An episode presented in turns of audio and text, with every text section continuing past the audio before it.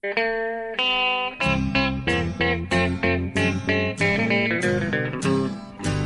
out there, we're on the air. It's hockey night tonight. Tension grows, the whistle blows, and the puck goes down the ice. The goalie jumps and the players bump, and the fans all go insane.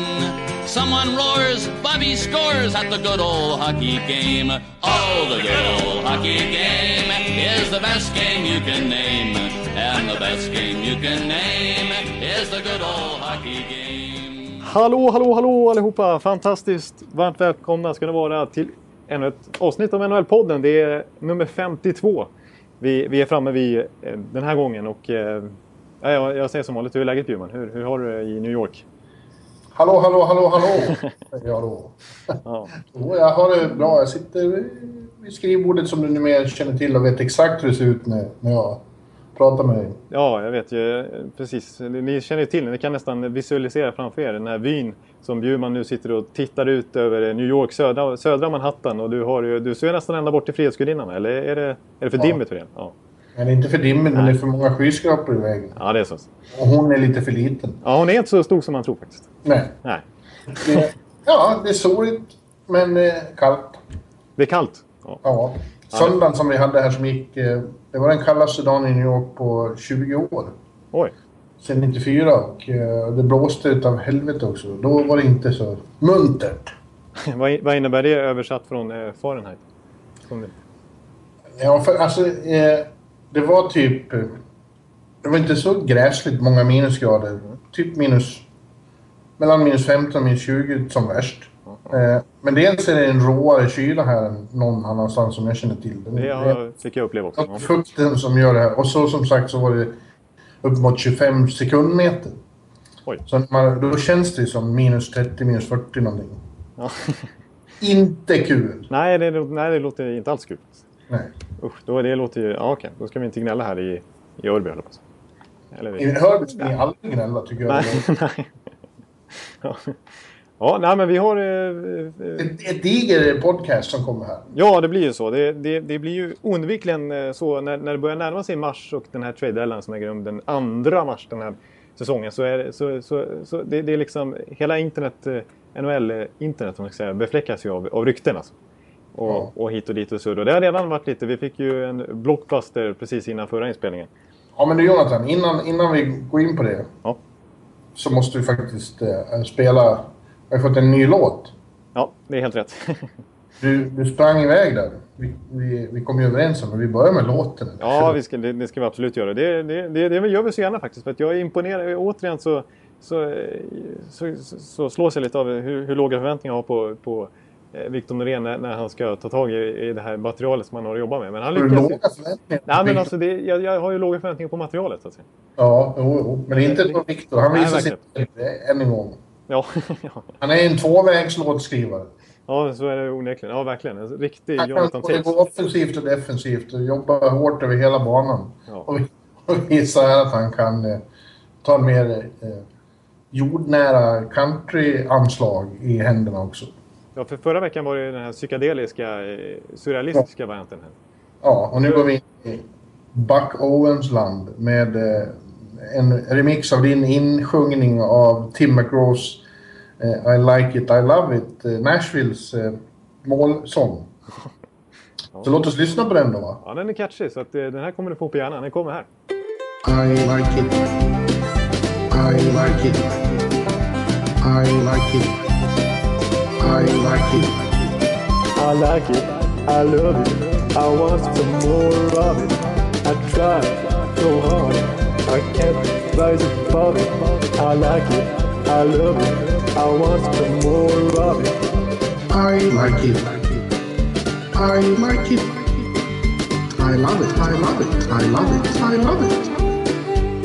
I like it, I love it, I want some more of it. I try so hard, I can't rise above it. I like it, I love it, I want some more of it. I like it. I like it. I like it. I like it. I like it. Ja, Ja, ja jag, jag, jag, jag, älskar den här faktiskt. jag älskar den, säger Jonathan Eklind. Är det Norén? Ja, nej, men, Det, det omdömet eh, vill du alltid se, eller hur? Ja. Från recensenterna. Jag älskar det här. ja, ja. ja jag, tycker, jag tycker den är, ja, den, den, den är catchy. Alltså. Jag har den på hjärnan. Liksom. Jag tycker den är... Mm. Du har ingen ny... Eh, något nytt på gång va? Som du kan ge honom att jobba med nu? Ja, det borde jag ju ha, men det har jag inte tänkt ut på den här gången veckan tyvärr. Alltså. Nej. Det, det är ju skäms. Men vi, vi kan säga det. Du, vi ska ta in Viktor i, i, i ekvationen snart. Precis, vi har ju förhoppningar om att eh, Victor Norén helt enkelt ska, eh, ska dyka upp in person här i podden. Ja. Inom en snar framtid. Men du, du hann ju nämna det precis innan, innan eh, vi kom in på musiken här att det har hänt saker i Nashville och jag tror att den där målsången efter förra veckans fina trade kommer att spelas ännu mer frekvent i, i, i Bridgestone Arena. Eh, för de, det kändes som de fullbordade sitt lag när de knöt till sig eh, Fransson och Santorelli eh, i en trade med Toronto. Där Toronto väl nästan inte fick någonting. Ja, jag, jag, jag, Toronto lyckas ju, eller lyckas, det mm, jag tycker allmänna omdömet är väl att eh, Toronto fick eh, lite lite. Så jag, jag tyckte ändå att första val för var eh, ganska bra utbyte för den här, de här typen av killar med tanke på vad de presterat tidigare i karriären. För jag menar, Ja, första valet, det är ju sant. och Men eh, den här Brandon Leipzig ska ju, har ju eh, omnämnts som den nya Brad Marchand. Han- Att han är en pest på isen och tacklas på allt som rör sig. Att han jag är en framtida RM-spelare. Men, eh, men visst, Jokinen, på, på kort sikt så gav det in, ingenting. nej, verkligen inte. Men eh, det spelar kanske inte stor roll för Toronto, för de har inte så mycket att uträtta på, på kort, eh, i kortare perspektivet. Nej, de har helt enkelt eh, siktat snarare på att joina Buffalo och Edmonton och komma så långt ner som möjligt och få så högre procent som möjligt i draftlotteriet. Ja, men Olle Jokinen då, stackars människan. Han, som det hette, eh, första rapporterna från Nashville, han var less than excited. Han har blivit tradad till, till eh, Toronto. Det kan, det kan man ju milt uttryckt förstå. ja. Alltså, Men de tänker ju, det är nästan uttalat där nu, att de har inga planer på att behålla Olle Jokinen. De ska spela honom, få honom i form så de kan trada även honom lite senare. Eller nu. Precis, och det, det, det undrar man ju Olli för att eh, han, vi, vi känner ju till hans, eh, hans facit i karriären. Det är ju inte många matcher i den där slutspelskolumnen. Nej. Jag tror det är sex Ja, totalt. han var ju missade slutspel under väldigt många år. Ja. Det, det, säger- det säger ju något att han var ju här i New York och spelade med Rangers en säsong. Ja. Och det var ju så symboliskt att det är enda gången under Henrik Lundqvist-eran de har missat slutspel. Och det berodde på att Olle Jokinen själv missade den sista straffen i ett väldigt speciellt drama nere i Philadelphia. ja, just det. det ja. Ja, Det är helt, eh, helt osannolikt egentligen. Men han är, det är någon som har eh, både spellen, Olle Jokinen och eh, slutspel. Ja. Han är vo- voodoo i luften. Exakt, och, och han, han har ju uttalat sig nu när han kommer till Toronto att han var, han var inte nöjd med hur han användes där i Nashville. Att han hade snackat med David Poyle när han skrev på där att han minns han skulle få en hyfsat betydande centerroll eh, och sen så slutade det med att han eh, dels fick spela hela säsongen som ytter och till slut mer eller mindre var bänkad och inte fick mycket förtroende där. Eh, men å andra sidan, alltså han måste, det, det måste ju kännas tungt att spela i NHLs bästa lag Ja, kunna en riktig contender och sen hamna i Toronto helt plötsligt. Nu kan han ju förhoppningsvis bli tradad igen då, men... vi fick ju inte se någonting av honom när vi var där, våra två matcher. Nej, det, det enda vi såg var ju hans fantastiska hårfagra kalufs. Åka Ja. runt på mo- morning skate, men han försökte i alla fall eh, eh, visa upp sig. Eh, de tillfällena som gavs. Ja. Tyckte han satte några hyfsade handledare där också. Ja. Men du, äh, Nashville då. De tar hem två gamla som de en gång i tiden draftade. Eh, både Cody Franson och eh, Santorelli. Ja. Och, visst, är, visst är känslan att... Eh, nu, har, nu spelar inte de första matchen här när Nashville lyckades eh, rätt bra ändå och slog eh, San Jose med 5-1. 5-1, ja. Och då var inte de med, för de håller fortfarande på och krånglar med arbetstillstånd, amerikanskt arbetstillstånd eftersom de kommer från Toronto. ja. Mm. Eh, Men, men det känns som... Eh, det där var bland de sista pusselbitarna de behövde. Ja, jag, jag, alltså jag, jag håller med. För att eh, självklart så gör de här två spelarna Nashville bättre. Men samtidigt var jag lite överraskad att det var just de två. Men, men sen, sen som du säger också att de här killarna har varit i Nashville tidigare. Att de har lätt att smälta in i organisationen och känner till liksom, Nashville som stad och som klubb. Ja. Men, jag tycker ändå att det är... Mm, som vi har fått en, en, en, en lyssnarfråga här också. Att, hur ska, hur ska, vad, vad, vadan denna franchisen i Nashville igen? Med tanke på att de har ju ganska välbeställt just på... Vi brukar ju prata mycket och vi kommer komma in på det mer när vi pratar om ytterligare trade-rykten och så här i podden. Att eh, högerfattade backar är ju eh, riktig sån hot commodity liksom. Ja. Som alla vill ha. Det, det finns få av dem. Och särskilt om de är spelskickliga och kan eh, hantera ett powerplay liksom. Eh, men just i det fallet så har, ju Nashville inte haft några sådana problem med tanke på att de har ju Shea Webber på, eh, som högerfattarback. De har Seth Jones som är väldigt spelskicklig högerfattarback. Och de har ju även Ryan Ellis som högerfattarback som i och för sig är skadad nu men tillbaka inom kort. Och nu ska Cody Franson in där också. Det, och de har ju andra offensiva backar som Roman Josi, eller Josie ska jag säga. Eh, och Ekholm är också eh, helt eh, spelskicklig också. Liksom. Eh, så, så, det är klart att de blir bättre de här traderna. Men jag, jag, var förvånad att med tanke på att eh, Fransons pris förmodligen skulle trissas upp ganska högt när det så många ville ha just en högerfattad spelskicklig back. Att just Nashville skulle vara det lag som landade honom. Ja. Eh. Men jag, jag, tror att eh, de, de ser det helt enkelt som att eh, han är ännu vassare än vad de eh, har i... Att tillgå? Ja. Och Santorelli är väl också det är väl en bottom six som, som eh, bidrar till ökad, ökad djup och ökad bredd. Ja, det, Nashville har haft en imponerande, överraskande bra bredd den här säsongen. Det är ju många kedjor som har levererat. Framförallt första kedjan naturligtvis med Forsberg, Neil och Ribeiro och även Craig Smith som har varit inne där och Colin Wilson som har varit väldigt bra. Ja. Eh, så det, har, och, mm, det har varit lite rykten om att mm, ska de ge sig ut efter en stärka upp centersidan kanske ytterligare med en riktig sån första center. Men det hade ju varit lite väl blockbusteraktigt kanske att göra den här tiden på året. Och med tanke, särskilt med tanke på att Ribeiro har varit så pass bra som de varit. Ja, alltså just det. Det är många som säger att de saknar fortfarande en riktigt, riktigt storartad första center. Men dels så är det nästan omöjligt att trada sig till. För då får de inte bryta upp hela laget som har varit en sån succé. Exakt. Och dels tror jag att vi, vi och väldigt många har underskattat Mike Ribeiro helt enkelt. Ja. Den här säsongen har han ju varit en av de bästa centrala. Ja, precis. Alltså, rent, det, det som är, eh, som är lite grej, största problemet egentligen i, i Ribeiros karriär har inte varit hans eh, spel egentligen, utan det har varit det mentala. Han har brist, mm. haft bristande karaktär och han har varit ojämn. Och han har haft eh, problem utanför isen liksom. Som har stört honom. Men, han har haft problem med att han inte har trivts, har det verkat som. Och, och nu verkar han trivas. Exakt, för det, jag tycker att man har sett ända sedan han spelade Montreal en gång i tiden. Men, och jag ty tyckte till och med i början av säsongen med Arizona förra året att eh, shit vad han styrde deras powerplay då i början. Han började rätt bra i Arizona faktiskt förra året. Jag tyckte ja. han såg ju extremt, alltså att man, man, man skönjer en fantastisk spel, blick för spelet som man har. Så länge han trivs och mår bra och, och liksom kan eh, spela ut sitt register så är det en, det är, det är faktiskt en första center igen. Ja, jag tyckte han var bra även i Dallas. Så hade han några säsonger han var riktigt, riktigt bra. Ja. Och, och, det var ju faktiskt så att eh, Dave Tippett plockade in honom till Arizona eftersom han var nöjd med honom i Dallas också. Den, ja. den tiden. Så att, eh, ja, nu, nu, nu när han trivs i Music City där så, så är det en, en, bra spelare och de har ju en fin... De har, det är lite som Rangers kan man säga, deras centersida där. Rangers har ju kanske inte heller den där riktiga klockrena första center som, man, som har den statusen, men de har ändå en bra bredd på centersidan. Eh, jag menar, Paul ja. Gostad, Mike Fisher, Matt Cullen kan spela center, Kalle Järnkrok, eh, Mike Ribeiro. 08 när, när, de, eh, när Dallas Stars ju faktiskt gick till konferensfinal mot Detroit. Mm. Då var han ju riktigt, riktigt bra. Ja. Vi ser. Jag får kolla, jag får kolla så det är 83 poäng. Ja, du ser. Ja. ja.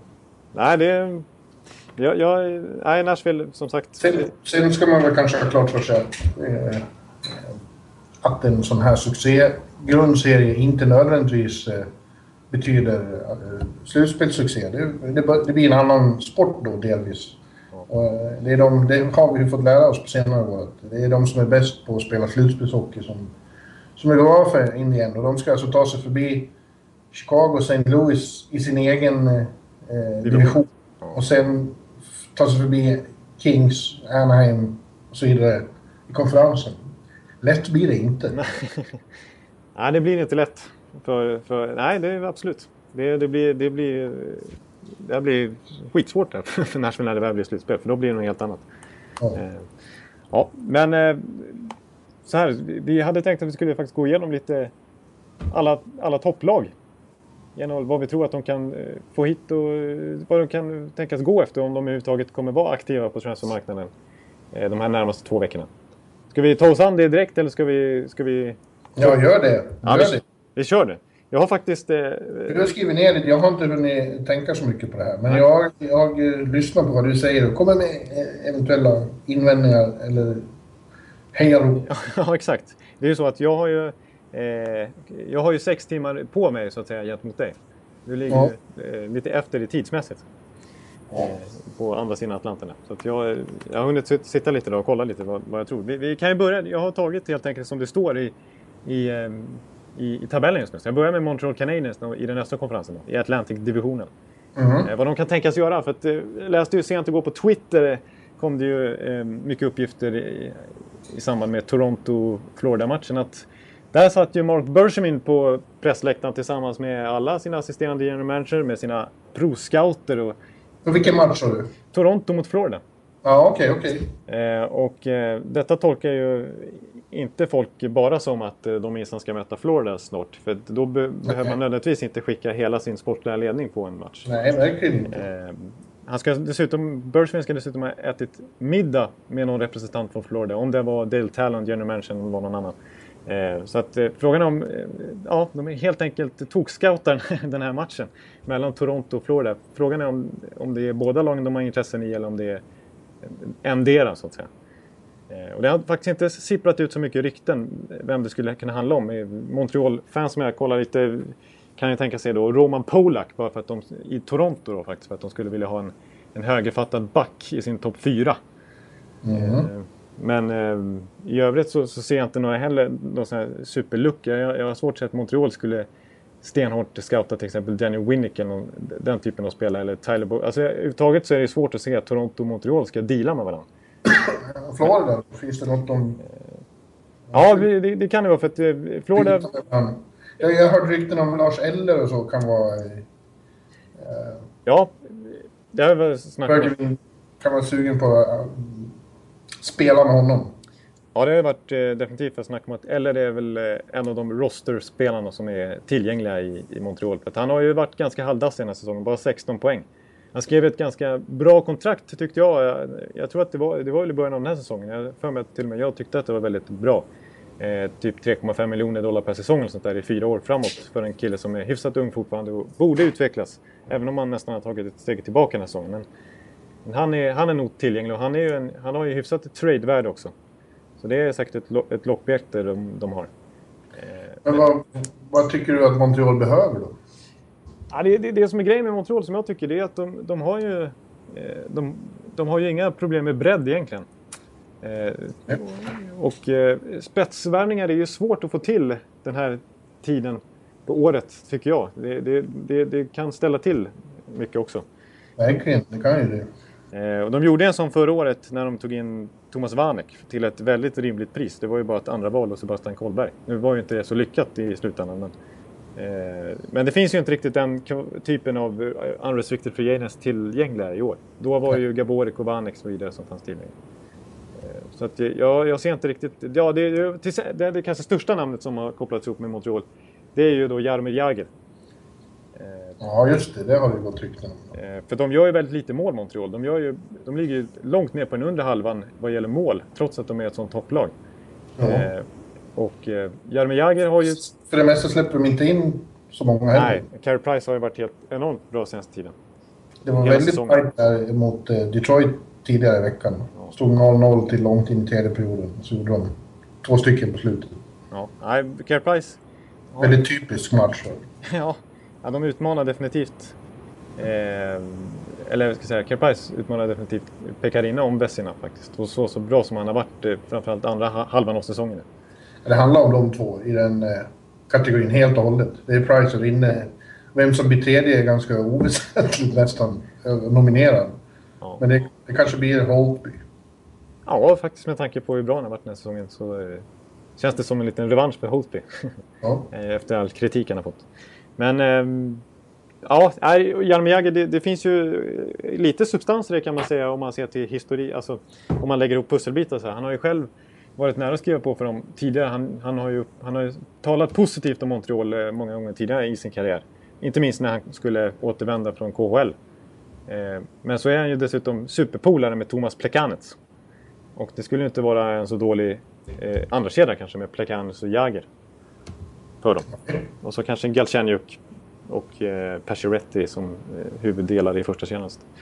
Och det är klart det skulle stärka dem och jag borde ge dem lite mer mål. Så det är väl där. Det är väl kanske någonting för Bergevin. Som onekligen verkar... Och sen är det ju naturligtvis, det kan ju vara något med Florida. Floridas eh, Dale Talon sa ju här eh, i morse när vi spelade in där.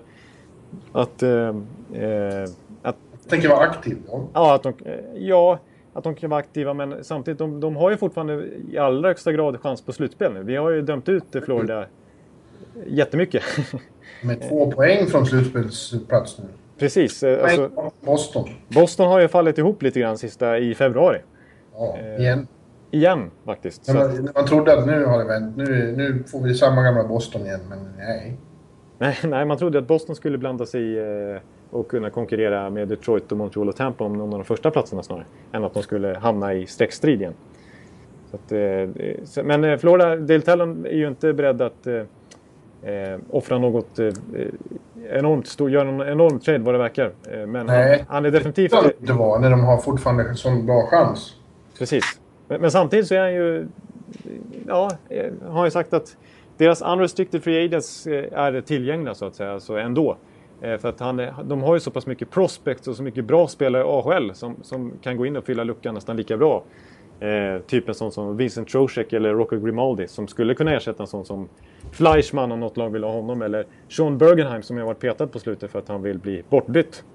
Och eh, det är, jag menar, en sån som Sean Bergenheim skulle ju definitivt kunna bli tradad till en, till en contender faktiskt. Det, det skulle inte vara någon toppspelare men det skulle ändå vara en bra tredje, fjärde kille som har gjort mycket mål i slutspel tidigare i sin karriär. Ja. Men vilka mer?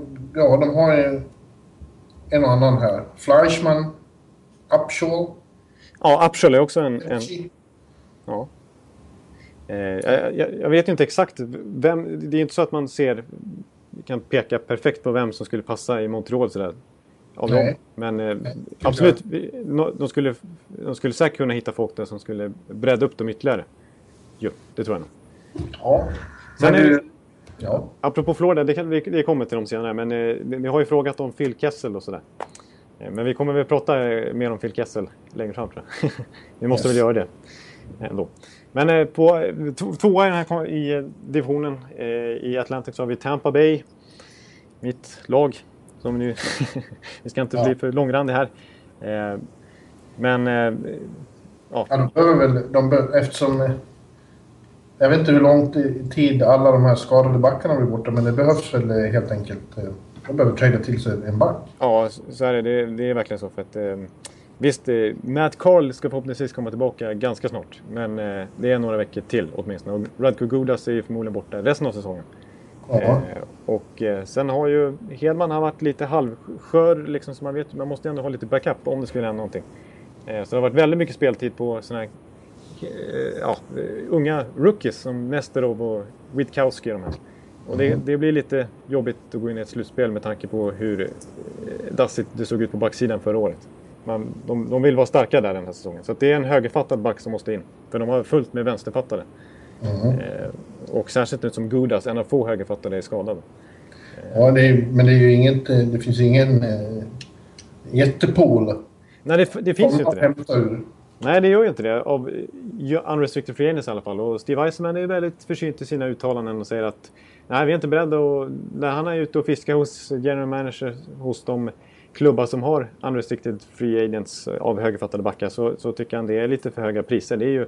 André Sekera har vi hört av Larry Brooks eh, på New York Post att, eh, att eh, när Rangers frågade om André Sekera så var det ett första val och en, eh, ett prospect de ville ha.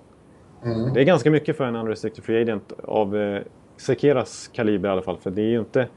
Det, vi snackar ju inte om någon superstjärna direkt, Sekera. Nej. Och han kanske är den bästa tillgängliga. Det kan ju mycket möjligt vara så att eh, Carolina fått lov att sänka sitt pris också. För de har inte kunnat signa honom igen, eller hur? Nej, precis. Exakt. De måste ju bli av med honom för att han kommer inte stanna där ändå. Så att, eh, det, antingen så kommer, kommer den här waiting game att eh, ge dem ett högre pris när, det, när folk, klubbar blir desperata. Eller så blir det tvärtom, som det blev för Islanders med Vanek förra året. Att de väntar för länge. De tackar nej till många bud ja. som var mycket, mycket bättre än det de till slut tvingades tacka ja till i sista sekunden. Så att eh, det är lite vanskligt det där. Och eh, Sekera är ju dessutom inte ens högerfattad. Så att eh, för Tampas del så är det snarare ja, om det är någon unrestricted free agent så är det väl typ Subinik Michalek eller Jeff Petrie eller något sånt där. Jag skulle fråga om han P Petrie Edmonton, är han högerfattad också? Ja, han är högerfattad och han är ju eh, spelande back som Tampa gärna vill ha också. Så att, eh, ja.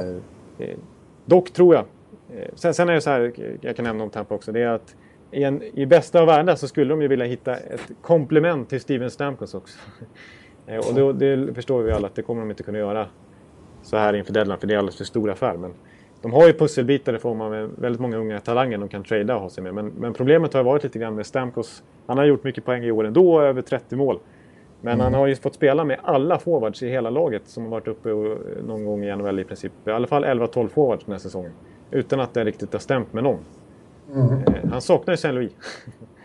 ja, han gör det uppenbarligen. Ja. Jag tror att delvis handlar, det har vi varit inne på förut, jag tror delvis handlar det lite också om att han hade ett brutet ben förra säsongen. Man kommer inte tillbaka på samma nivå på en gång. Nej. Nej. Efter så allvarliga skador. Se på Erik Karlsson, det är andra säsongen i rad nu han inte riktigt är i samma... Eh, det är något som saknas. Ja, de, de är fortfarande superstjärnor men det är kanske det skäret som man såg tidigare är borta. Sista lilla extra. Men du, en annan sak om Tampa undrar man ju då. Känner, känner sig Tampa helt trygga på målvaktsfronten nu när experimentet med, med Nabby inte fungerade alls och han har slutat? Eh, för att eh, slutspelet förra året eh, brakade ihop på grund av att Bishop inte spelade. Ja, jag, jag, jag känner mig väldigt säker på Vasilevski i alla fall. Jag tycker han är och just nu ja, men... Eh, men, men jag tycker inte han är så... Spela Bishop blir skadad, känns det helt... Nej, det känns inte så jättebra bra då. Men då måste man återigen skicka ner Vasilevski kanske om man ska ta in en annan målvakt. Och Vasilevski är så pass bra så att han, han vinner nästan lika mycket matcher som Bishop just nu. Och Vasilevski är inte så oerfaren som man kanske tror, trots att han är så ung. För att han, han, dels har han spelat tre raka JVM under stor press och gjorde väldigt bra för Ryssland. Men sen så var han ju ordinarie första keeper i KHL förra säsongen och tog, gick hela vägen till final då också och gjorde otroligt bra slutspel då.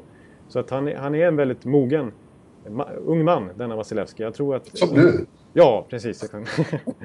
Nej, men eh, jag tror inte han är, han är inte så känslig för press och eh, han blir inte så nervös och så utan jag tror inte... Det är klart, ett Stanley Cup-spel är något annat, men så det, risken finns ju, men av, av många unga keeprar så känner jag väldigt, väldigt högt förtroende faktiskt för Vasilevski. Så jag tycker det är onödigt av Tampa att gå efter en målakt och offra de pusselbitar som krävs då. Jag tycker Vasilevski, okay. det är en bra erfarenhet för Vasilevski också.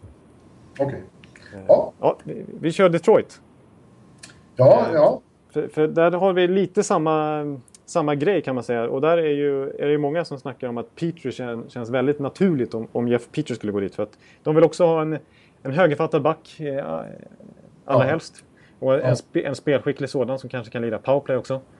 Eh, och, det pratas fortfarande väldigt mycket om Kit Yandel också. Ja, det gör det. Eh, det som är intressant med Peter, eller intressant med Peter, men det som överensstämmer i alla fall, det är ju att eh, han är ju en eh, Detroit boy. Han har ju sin farsa är ju gammal pitcher i Detroit Tigers. Ja, så att, det är ju en, en, en, en hometown boy, så att säga. Ja. Jo, men de vill fortfarande stärka upp backsidan, även om den nu har varit väldigt mycket bättre än vad vi trodde den skulle vara förra säsongen. Sådana som Kindle och Quincy och De Kaiser har höjt sig den här säsongen. Ja, ja det håller jag verkligen med om. Alltså, shit, De, de Kaiser... med ja, så att det, det, de, de kan klara sig så här, men nu är ju Detroit så pass bra ju faktiskt eh, den här säsongen att, att de eh, behöver inte vara så... Eh, de kan, vara, de kan kanske gå efter en... Alltså, de, de kan nästan gå efter kuppen helt enkelt. så pass bra är de. Ja, de kommer ju att försöka såklart. Ja, exakt. Eh, så att... Eh, ja, ja, ja, de kommer definitivt vara buyers och de kommer definitivt att plocka in en högerback eller en högerfattad back. Eh, och de kommer ju till och med har det varit snack om sådana som Jagger och att de ska stärka upp sin top 6 med något, något kryddigt namn där. Ja, det kanske blir ännu mer angeläget nu när det ser ut som Johan Franzén är långt, långt från eh, comeback.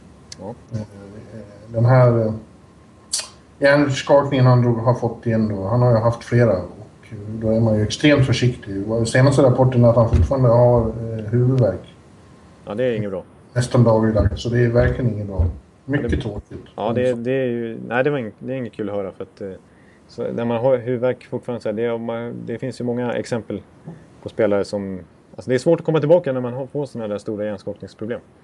Ja, det skulle vara ett, eh, I slutspelet skulle det vara ett hårt, eh, svårt avbräck för att alla vet vad The Mule kan bidra med när han blir het och spelar stora matcher. Ja. Han har ju ett... Han fortfarande har den kapaciteten. Ja, och han har ett fantastiskt, exakt som du säger, han har ju ett, bara kolla på pappret så har han ju väldigt mycket mål i slutspel genom sin karriär. Ja. Väldigt mycket mål. Så ja, han är stora matchernas man. Ja. Jag hittar på ett, ett litet eget namn som, som apropå Hometown Boys. Eh, som, skulle, som jag tror skulle kunna vara intressant för Detroit. Eh, som eh, nu är oklart om han är tillgänglig. Det, det, det verkar som att han är, han är inte någon som spelar som shoppa som man säger. Så det är ingen som eh, är ute på marknaden eh, eh, liksom medvetet. Men det är en kille som går att träda till sig. Och det är ju då med Columbus där, där Jarmo Kekkeläinen har sagt, general manager, att, eh, att eh, de ska hålla sig lugna. De är nöjda med sin trupp. De tycker att de har haft väldigt mycket otur med skador. Och det är inget snack om det. De har överlägset störst manfall den här säsongen. Ja, så. Och de kan, hade säkert varit på slutspelsplats utan dem tror jag. Ja. Eh, så att de behöver liksom inte göra något radikalt med sitt, med sitt lag. Eh, men eh, en sån... Måste smala lycka att de har haft sådana problem. Ja, faktiskt. faktiskt. Nej, precis. Men, men en sån kille som James Wisniewski som är en högerfattad powerplay-back. Eh, som är duktig att sköta upp spel och, och ta sig ur zon också. Sådär, och är ganska storväxt och kan stå framför kassan också eh, defensivt. Han har ett, ett antal år kvar på sin kontrakt med en capita på 5,5 miljoner tror jag. Eh, ganska högt, men eh, de stora pengarna har redan utbetalats. Han har, eh, jag tror han har bara 3 miljoner sitt sista år, 2016-2017. Han är ju en Detroit-kille, född i en förort där och spelade hela sin New York-karriär. Eh, växte upp helt enkelt i Detroit. Eh, det, det, blir ju en lite mer långsiktig trade av Detroit i så fall. Med att han, eh, visst, han är, han, har, han är väl uppåt han är 30-årsåldern, men, men han har ju några år kvar till på kontraktet. Men det skulle kanske vara eh, en bra back eh, för, för Detroit som en, eh, i andra, andra backpar där och eh, spela powerplay. Faktiskt. Ja, vi får se.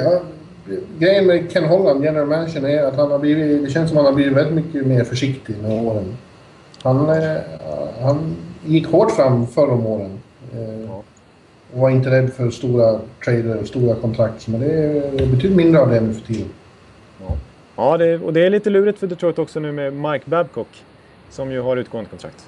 Ja. Eh, och hur man ser på framtiden där och de har haft möten och så här och Babcock har även varit med på möten om eh, alltså vad, hur, det, om, hur de ska agera vid trade deadline och då är det oklart. Det har inte sipprat ut så mycket av vad det har handlat om men antingen det kan ju handla om att han vill se att Holland gör en push och visar för Babcock att Detroit är ett lag som vill satsa och vill vinna. Eh, även redan nu att det kan övertala Babcock att förlänga det där kontraktet. Så att han blir kvar, klubben trogen. En av NHLs bästa tränare som har vunnit eh, Ja, som har vunnit med Kanada dessutom i OS. Så, att, ja. ja. Jag tar Boston också. Förlåt? Vi går vidare med Boston. Gå igenom division för division. Ja, precis. Ja. Eh, Boston Bruins, de är ändå på slutspel fortfarande. Ja, där behövs det hända saker känns det som. Ja, det behövs det verkligen göra. Det var en intressant tweet från eh, Nick, eller ja, eh, tweet jag såg att Nick Kyprios ska ha sagt då. som ju brukar dyka upp i de här tiderna, Kyprios. Eh, och, och, och ha en hel del eh, trade inside info. Han hävdar då att ja, de har, de har problem med lite kring lönetakssituationen där. De ska skriva nya kontrakt med med, med Riley Smith och Tory Krug efter säsongen och Doggy Hamilton och Emil Kott Söderberg har utgående kontrakt. Ja. Eh, att ett, en lösning för detta eh, skulle vara att bjuda ut Louis Eriksson och Dennis Seidenberg. Redan ja, Louis, Louis har ju känts som det har intensifierats eh, eh, ryktena kring honom. Men om man ska stärka laget inför en, en, eh, Stanley Cup-run, eller en slutspelsrun åtminstone, Eh, så behöver man inte bara göra sig av med eh, Man behöver få in spelare också. Ja. Och, och de eh, tenderar ju de som, som eh, det är någonting med tenderar att vara dyra de med. Ja, precis. Och, och, ja, och Boston är ju definitivt eh, snarare en buyer den här säsongen ser man ju dem som. De vill ju snarare förstärka laget än att tappa killar. Så att, eh, Skicka, skicka lagkaptenen istället. Kära!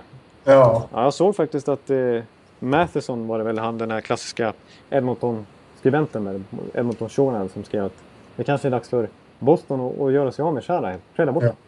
honom. eh, Om något lag vill betala priset för honom. Precis. Eh, Men eh, Eriksson vore intressant. Eh, jag såg att eh, Jag faktiskt... förstår inte det, men vad, vad anser du att de behöver? Ja, alltså om, om man tänker att, att de inte har så mycket manövreringsutrymme, att de inte vill ha så stora grejer, så, så tycker jag det känns logiskt. Alltså, om de vill bara ta lite enklare grejer, så det är ju typ att ta in en sån som Chris Stewart som det har varit snack om. Ja, precis. Alltså en riktig Boston tough guy-kille liksom. Som kan Ja. kanske spela i tredje kedjan åtminstone och ge dem en bättre bredd och lite större styrka och power liksom. Eh, Fylla håret efter, som jag envisas att hävda med att Sean Thornton lämnade efter sig. Ja. Trots att han inte spelade någon jätteroll på isen. Nej, exakt. Eh, men, eh, eller ja, det finns ju, det finns ju lite, ja, Daniel Winnick kanske skulle kunna vara något för Boston också. Eh, men eh, ja, jag, jag, jag tycker det är svårt eh, faktiskt. Jag, jag såg faktiskt att, eh, eh, att Louis kopplats lite, att det kanske, kanske finns ett litet intresse från Anaheims sida. Jaha. Eh, det här är väldigt löst. men eh, mm, vi kommer ju komma in på annan också, men de är lite sugna på att stärka upp på, eh, lite på forwardsidan. ändå. De har ju lite, eh, framförallt, nu är Louis högerforward, men deras vänsterforward ser ju inte lika stark ut. Särskilt nu när Beleski är, skadad så har de, har de inte, är de inte, har de inte superstark depth chart där som man säger. Eh, och att, men att Eriksson kanske skulle kunna ta sin... Äh, ja och, äh, det, blev, det blev löst det där men... men det Ja, det låter som det är en lite krånglig situation för Boston hur som helst. Exakt. Precis, för att de, de, de ligger tajt där kring lönetak. Så de har, det måste till ganska stora radikala förändringar om de ska eh, kunna göra någonting faktiskt. Eh, och det är svårt att spekulera var, var, vad de ska ta tag i. Men Han borde vara försiktig. Alltså, ja, jag vet inte. Det, det, det är uppenbart att de saknar Johnny Boychuk som de var tvungna att göra sig av med redan. Ja, Ja. Som jag sa med Seidenberg också då. menar du? ja det, det sägs att, att, de att, de, att han i alla fall, enligt Kyprios då, att, att han är en kille som de kan eh, bjuda ut för att skapa löneutrymme till att kanske ta in något annat som de känner att de har större behov av. Men, Men känns inte det här som saker man gör hellre efter Ja, säsongen? det, det låter ju snarare som saker efter säsongen faktiskt. Eh, och, eh, ja, och, nej, nej, det här är, nu stirrar jag mig blind lite på Hometown Boy, men vi har, ändå, vi har redan nämnt Keith Yandel en gång, en gång i den här podden. Och han är ju från Boston. Och han, Att han egentligen har startat sitt, ett separat band vid sidan om som heter Hometown Boy. Ja, Hometown Boy. Det, är också, eh, det kommer en debutplatta snart. Men, men, eh, nej, men Keith Yandel... Mm, nej. Det, nej, det blir... Nu, nu har det lite pratigt här. Det blev pratigt och konstigt och, och eh, liksom, eh, svårt, att, svårt att veta faktiskt hur, hur de ska agera. För det är just det här problemet med Hamilton och Krug och Smith också som har eh, restricted free agents och, kommer behöva lönelyft. Hur de ska agera för att de vill ju säkert behålla alla de tre också.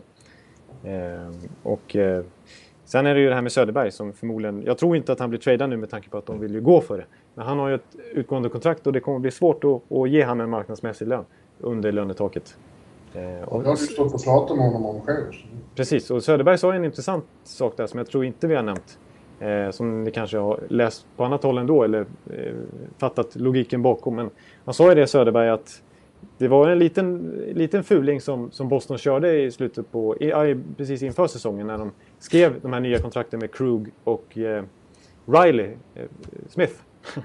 eh, för då, då var det ju, de skrev ju ettårskontrakt med dem som var under marknadsvärde. Det var ju bara en dryg miljon för båda två. Eh, och man kan ju hävda att det var brokontrakt och så vidare, att de på det viset kunde hållas låga. Men eh, i, det, i liksom deras eh, eh förhandlingstaktik så, så sa de ju att det, vi, har, vi har ju väldigt tajt under lönetaket och vi vill behålla Johnny Boychuk så att ni måste knöla in er med de här lönerna om ni ska kunna vara kvar. Och eh, så gick de med på det, vilket var väldigt schysst. För att de så gärna ville vara kvar i Boston. Och någon vecka senare, ja då är Boychuk tradad. Ja. Så att eh, det var ju en liten fuling av Boston faktiskt. Eh, nej. Ja, nej, vi går vidare till, till, till Metropolitan blir det Ja, du ska inte nämna Florida då? Ja, de är ändå med där. Exakt. Och jag tror inte att... Det, vi, vi, kan väl ta det här Phil Kessel. Ska vi, ska vi ta det nu? Ja, men det är också en sån här... Det kommer inte att hända nu. Nej, jag har svårt att se. Precis, det är, det är mycket frågor om, om Phil Kessel för det är så pass intressant att eh, om det skulle ske en sån typ av superblockbuster som det skulle vara om Phil Kessel blir traded. Men nej, det, det, känns ju verkligen som en sommar, sommargrej.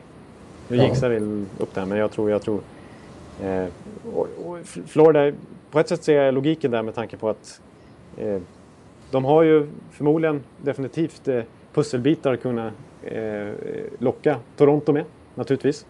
Eh, mm. Det finns ju mängder av unga spelare där som Toronto är intresserade av. Sen är det oklart om det är rätt, rätt move av, av Florida. Men det, skulle ju vara, det är ju en kille som har gjort över 30 mål i mängder av säsonger i sin NHL-karriär. Eh, och som, som trivs förmodligen, vad vi tror i alla fall, eh, med att komma bort från den här enorma uppmärksamheten i Toronto. Eh, han skulle säkert må bra av att vara i en lite mer undanskymd tillvaro. Och ja. verka lite i, i, sin bohemiska takt.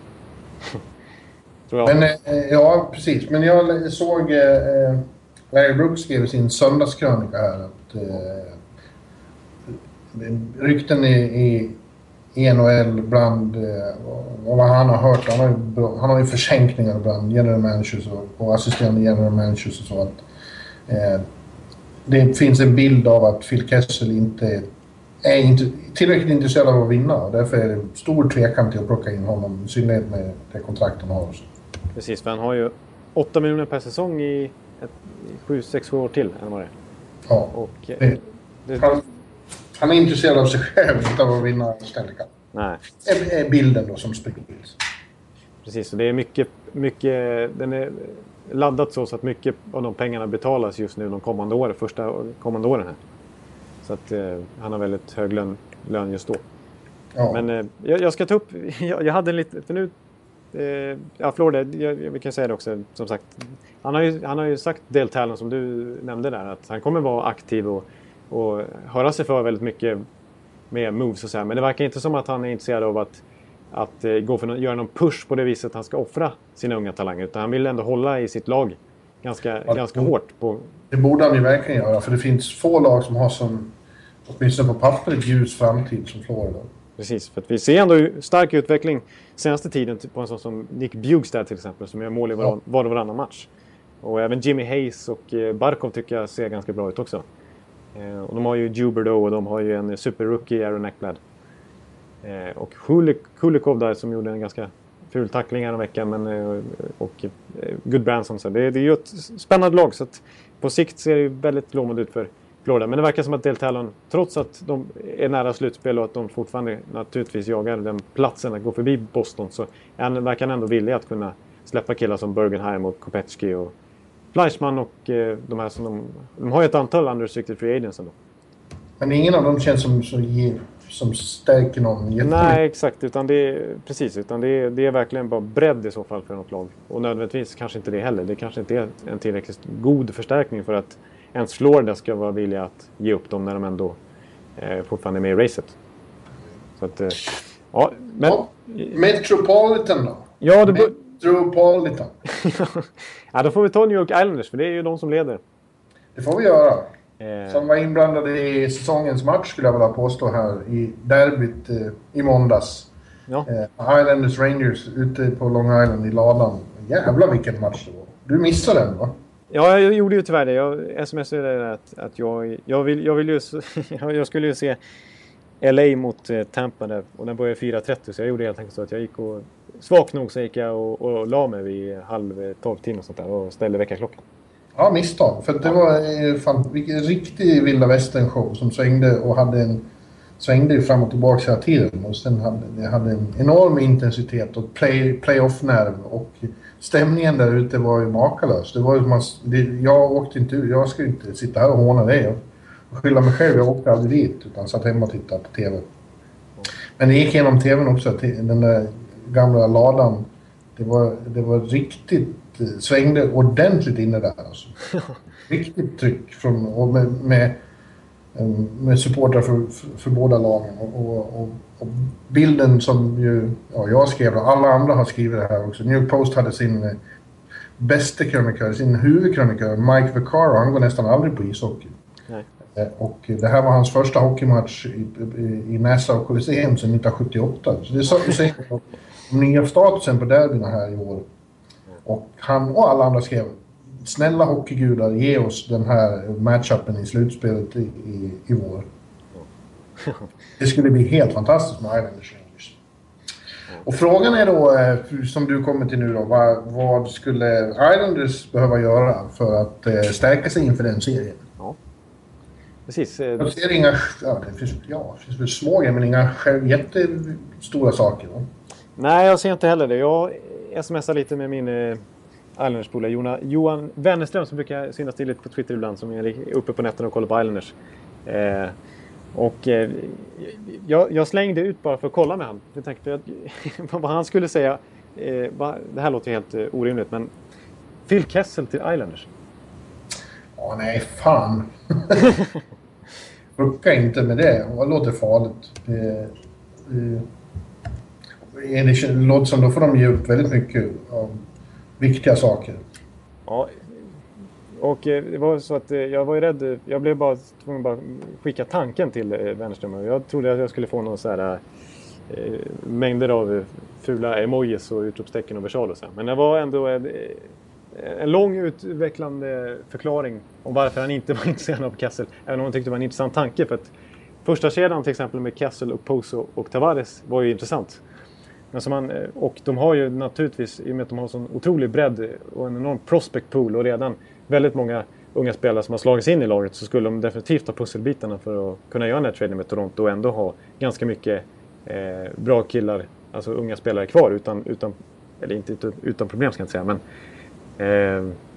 men, men som eh, Johan påpekar så har de ju ändå, det är ändå bredden som har varit den stora grejen för New ja, de, de, ska inte ha den där bärande första kedjan längre som det har varit snack om när de, när de trädde till sig Vanek och som det har varit mycket tidigare år, inte minst när de hade den här ja, Mike Milbury som inte gjorde så bra ifrån sig. Och Gord Snow har inte varit så lyckosam heller när det gäller blockbusteraffärer.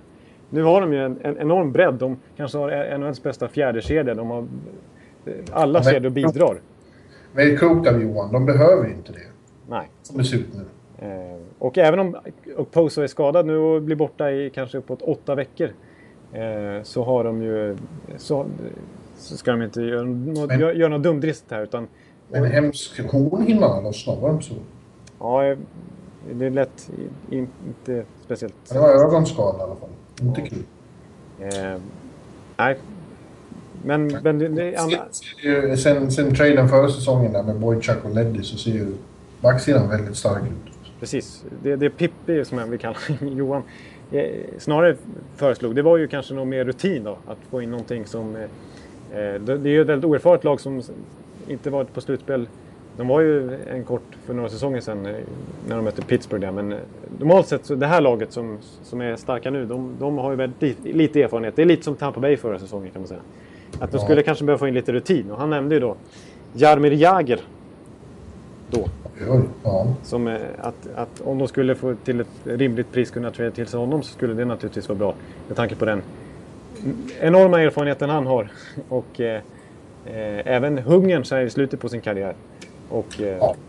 det skillsetet som han kanske skulle kunna ersätta eh, skulle kunna lida med Tavares eh, nu när Pose är borta. Men, eh, jag vill samtidigt påpeka att visst, det är många unga killar och det finns ingen jättemycket slutspelsrutin. Men, men de var ju med i en serie mot Pittsburgh för två säsonger sedan, många av dem i alla fall. Ja.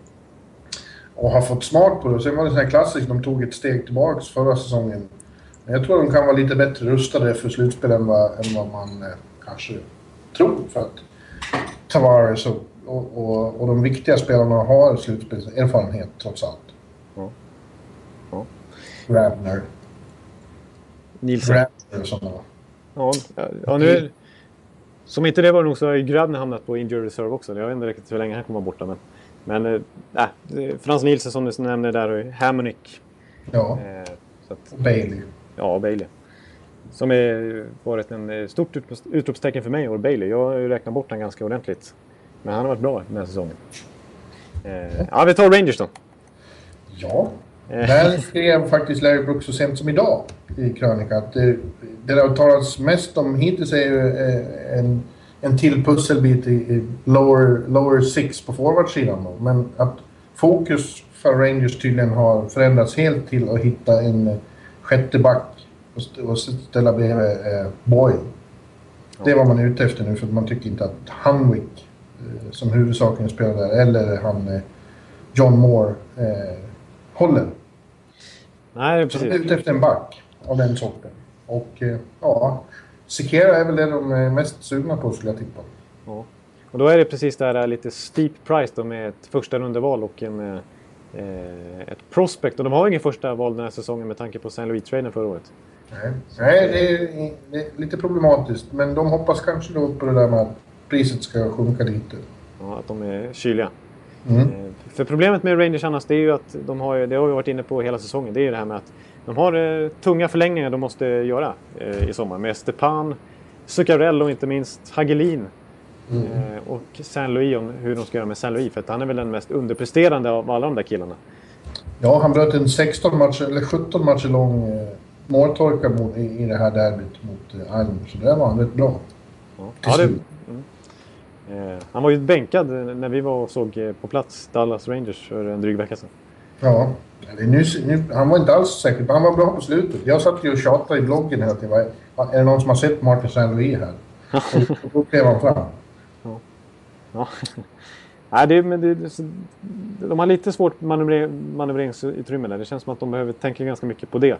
In, men de, kan göra lite små pusselbitar. Och det har varit mycket snack om det här. Vi var ju pratat om att Centrelli skulle passat bra där som tredje center. Men samtidigt tycker jag Kevin Hayes gör det ju väldigt bra. Alltså. Ja, han, har ju klivit, han är en av de som har klivit fram de sista månaderna Han och varit en, av de mer lyckade. Absolut. Det är en framtidsman det. Exakt. Och jag, jag tycker inte de är så tunna lower six där heller. Med Dominic Moore som fjärde center och så har de ju Jesper Fast som, som är väldigt bra. Och de har... Eh, Ja, fast är skadad nu. han är skadad, precis. Borta två veckor till förmodligen. Ja, men ändå. Han har ju, ja, han har ju varit en stor positiv överraskning. Eh, Jag tror inte det kommer hända så jättemycket och JT Miller. De, kring eh, deadline. De, det, det, nej, jag tror faktiskt inte heller att Rangers behöver vara så här superaktiva. Det, det är om de lyckas knöla in och få till någon hyfsad deal eh, lower six. Det är klart att Winnick eller något sånt där skulle vara spännande att, få in. Eller Telusti eller Bergenheim kanske. Jag vet inte. Eh, men, men backa då. Det, ja, det, det, det, finns ju några att välja på. Det beror på hur, vad de anser är bättre än Hanwick och Moore. Som, som, som, som, Ja. det, jag ty- det är en sån som Mecharo skulle ju inte hjälpa. Av de som är Nej. det är, det är en ganska tunn backmarknad. Det är väl André Sekera som man direkt skulle kunna säga gör, skulle göra backuppsättningen klart bättre. liksom. Jag tror de vill åka ner till västra Florida och sno tillbaka Anton Ståholm. Ja, det blir svårt. Ja, det blir väldigt svårt. Flexibility is great. That's why there's yoga. Flexibility for your insurance coverage is great too. That's why there's United Healthcare Insurance Plans. Underwritten by Golden Rule Insurance Company, United Healthcare Insurance Plans offer flexible, budget friendly coverage for medical, vision, dental, and more. One of these plans may be right for you if you're, say, between jobs, coming off your parents' plan, turning a side hustle into a full hustle, or even missed open enrollment. Want more flexibility? Find out more about United Healthcare Insurance Plans at uh1.com. Ja, ja, vi, vi tar eh, Washington Capitals. Nej, vi tar Pittsburgh. Vi tar Pittsburgh. Vi tar Pittsburgh, det är helt rätt. Ska vi inte hoppa över Pittsburgh? Vi skiter i Pittsburgh. Nej, absolut inte. eh, de hade en, eh, en till strålande match i eh, ett dygn efter New York Derbyt så var det ju Penguins Capitals. Jävla bra match det Ja, med. just de två lagen som möttes. Ja, det var en riktigt eh, het match. Ja, det var heta känslor. Ont blod kokade. Och Ovechkin fick lite öl över sig till och med. Ja, jag såg att du, du fick fram en bild på det. Fast jag såg aldrig ölen. Nej, man, man ser ju, det, det var så fiasko att det var ingen som filmade ölen för att eh, fokus låg ju på eh, spelet just då det var full, full bråk, full gurgel. Men man såg ju bara hur Ovechkin, eller kommentatorn där som, som stod eh, nere vid båskanten såg ju att Ovechkin fick och eh, hojtade till om det och sen så såg man bara när han stod och torkade av sig ölen. Men det var ju efter ett, en ganska ful slashing han drog till på Letang över, över vaden. Eh, Ja och sen så och Letang ramlade ihop och fastnade till på något konstigt sätt i isen och sen for han rakt in i sargen och såg ut att kanske drabbas av ännu en hjärnskakning. Men kom ut på isen sen igen. Men Ovechkin var ju högst impopulär då. Ja, det var han. Men du, vad, vad, vad säger du där då? Jag läste just att eh, Pittsburgh var eh, intresserade av Fransson. De hade varit i kontakt med, med eh, Toronto om Fransson och det eh, indikerar ju då att de är ute efter en back. Ja, man kan ju förstå att de är ute efter en back med tanke på att Olli Mäte är borta resten av säsongen. Ja, precis. Han är, Eh, Och eh, Erhoff har ju också haft eh, hjärnskakningsbekymmer här. Det sägs att han ska vara tillbaka relativt snart. Men skulle båda de vara borta en... Eller även Erhoff vara borta en längre tid. Och så vet vi då att Letang har också... är skör. ja. Han, han är, det krävs inte... Han, han har hjärnskakningsproblem han också. Ja, och han hade ju en stroke så sent som förra säsongen. Så att, men samtidigt har ju de eh, väldigt intressanta unga backar förutom Mäte som har kommit upp nu med Simon Desprez och eh, Derek Pulio. Eh, så att, ja, mm. De har också... Ja, ja, det, Ja, men, men jag, tror, jag tror att det är en back de är ute efter i alla fall. ja, så de är ute efter de samma som, som finns, som det talas om. Exakt. Eh, Sikera, din... Pe, pe, vad heter han? Petri... Jeff Petrie. Petri Ja. i Edmonton. Sen, jag tror inte att de är ute efter Michalik i alla fall eh, med tanke på han var ju en liten, ett fiasko där i- Pittsburgh när de den där omtalade Philadelphia-serien när det, när det var fem, 56 mål och sånt där på 5-6 matcher. Då var ju inte Michalik så vass. Så att, eh, men de vill helst ha en högerfattad back och de vill ju helst eh, hitta ett rimligt pris de också med tanke på att de ligger ganska tajt mot lönetaket. Vi fick en lyssnarfråga här eh, också på Twitter. Och, eh, vad ska Pittsburgh göra åt sin, eh, sin lower six? Han tyckte att de har en av NHLs sämsta fjärdekedjor. Ja, det har ju varit ett problem i, i, i eh, slutspelet i flera år att de inte har haft tillräckligt bra eh, rollspelare i de här... Eh, inte av samma kaliber som motståndarna. Och det är det de har förlorat på. Det har det faktiskt varit. Inte minst mot New York Rangers förra säsongen. Var ett Precis. sånt exempel. Ja, eh, jag tycker i och för sig att, eh, att de har... Vad gäller själva offensiven kändes det som de, de kompletterade perfekt när de fick in eh, Perron här i Ja. tidigare trade under säsongen. Ja, det var en väldigt smart trade av dem. Även om det Ja. kostade ett första val så var det ju verkligen någonting som, som stärkte dem som lag och gav dem ännu mer bredd och som kunde sk- skicka ner till exempel som Nick Spalding till en tredje kedja och sånt där. Jag tycker ändå att deras lower six är helt okej där med... Även med Ja, helt okej, men den kanske Sutter behöver vara ännu bättre. Och de swappade ju till sig Maxim Lapierre som ny fjärde center. Ja. En tuff, tuffing i alla fall och de har ju även Craig Adams där. Men jag, jag såg att eh, Rutherford sa nu att han tänker inte göra någonting bara för, för sakens skull. Det ska vara något eh, riktigt eh, eh, angeläget som stärker laget som ska dyka upp som möjlighet. Ja, som deras eh, ställde upp igår så tycker jag ändå att deras, det här är bara deras lower six. Det tycker jag ändå är helt okej. Nick Spalling, Brandon Sutter och Bo Bennett som tredje kedja och Craig Adams, Maxim Lapierre och Steve Downey som fjärde kedja. Ja, det, ja, det låter ju bra. Rätt, fjärde kedjan låter väldigt elak. Ja, precis. Ja, det- exakt. Och det är väl eh, någonting de kan tänka sig i slutspel här att ställa upp med ett eh, lite grittigare lag. sen. Men det är klart att skulle de kunna... eh, Men det, priset kommer att bli högt på en sån som Daniel Winnick. Det har, man har hört rykten om att ett andra val och ett tredje val, eller ett andra val och en prospect för Winnick. Det är ganska dyrt för en kille som ändå är ganska begränsad offensivt. Och som, eh, som har gjort en, en riktigt bra säsong i år, men som tidigare... Han var ju knappt önskvärd i somras. Det var en kille som... Det tog några dagar innan han blev värvad. Att, eh, Ja, vi får se. Nu är det inte möjligt. eh, Det finns ju färre, färre eh, alternativ. Men Ray Shero på sin tid var ju inte det minsta rädd för att göra stora saker kring trade deadline. nej. Eh, Men nu är, nu är det Rutherford då. Eh, Så vi, vi får se. Ja, det, det blir Han intressant fall. jag tyckte att han var briljant, Ray Shero, på rätt sorts pusselbitar vid rätt tillfälle. Ja, mm. Som, som när han tog in... eh, vad heter han? Store... ja Gerin.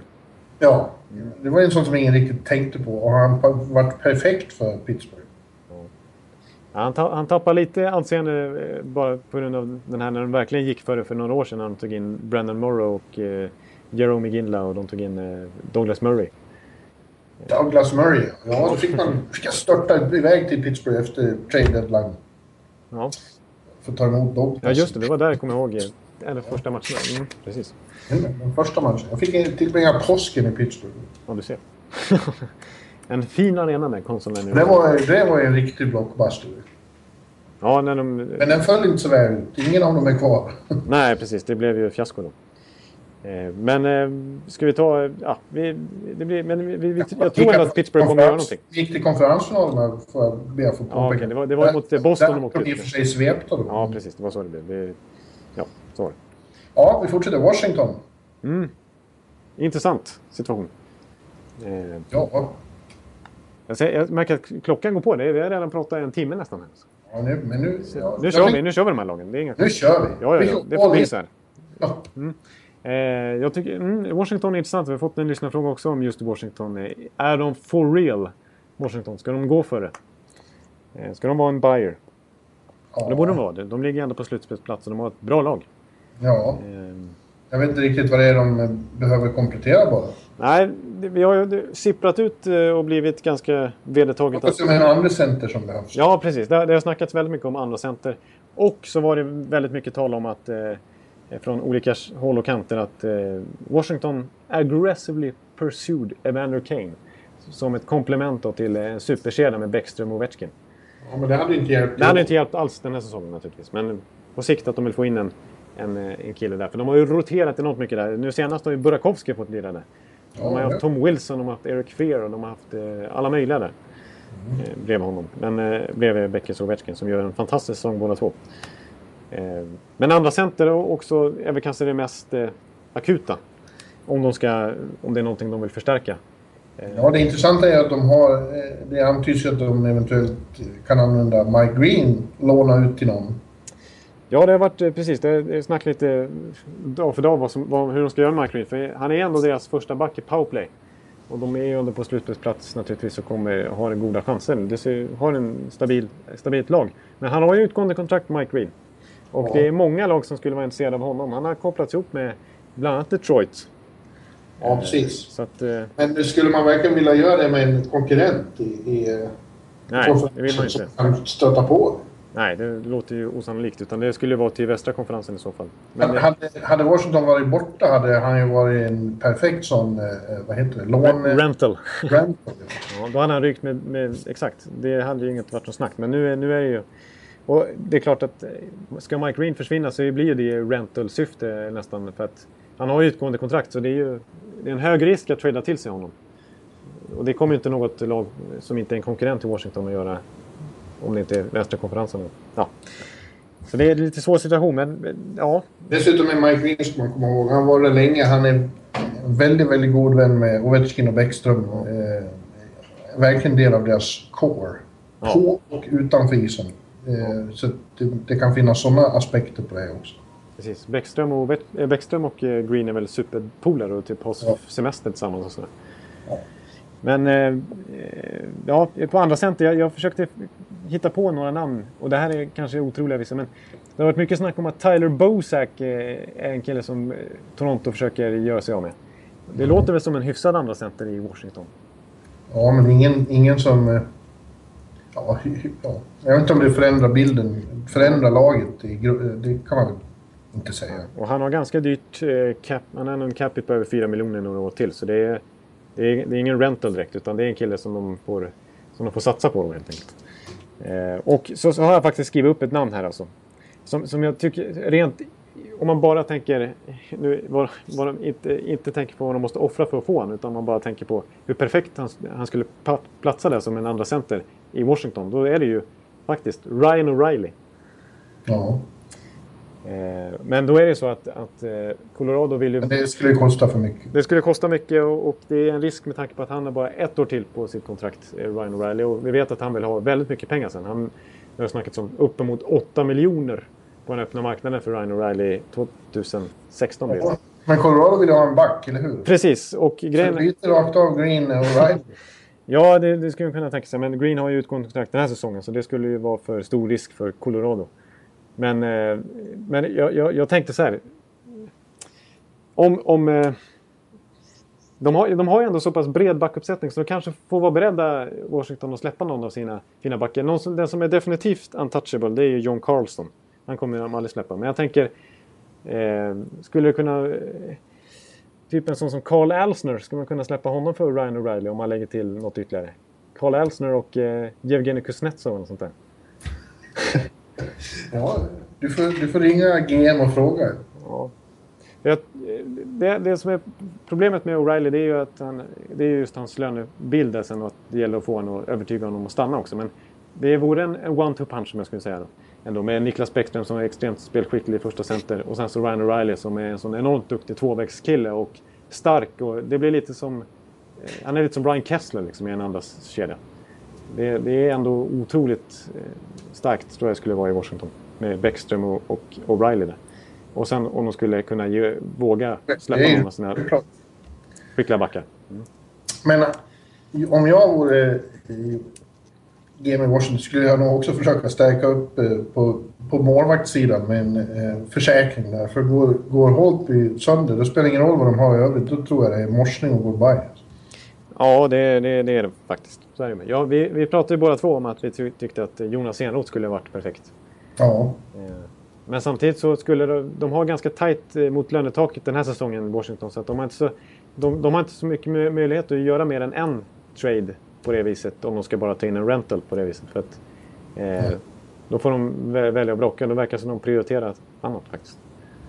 Eh, och mm, de, ja, de, de testade ju förra året med att ta in Halak.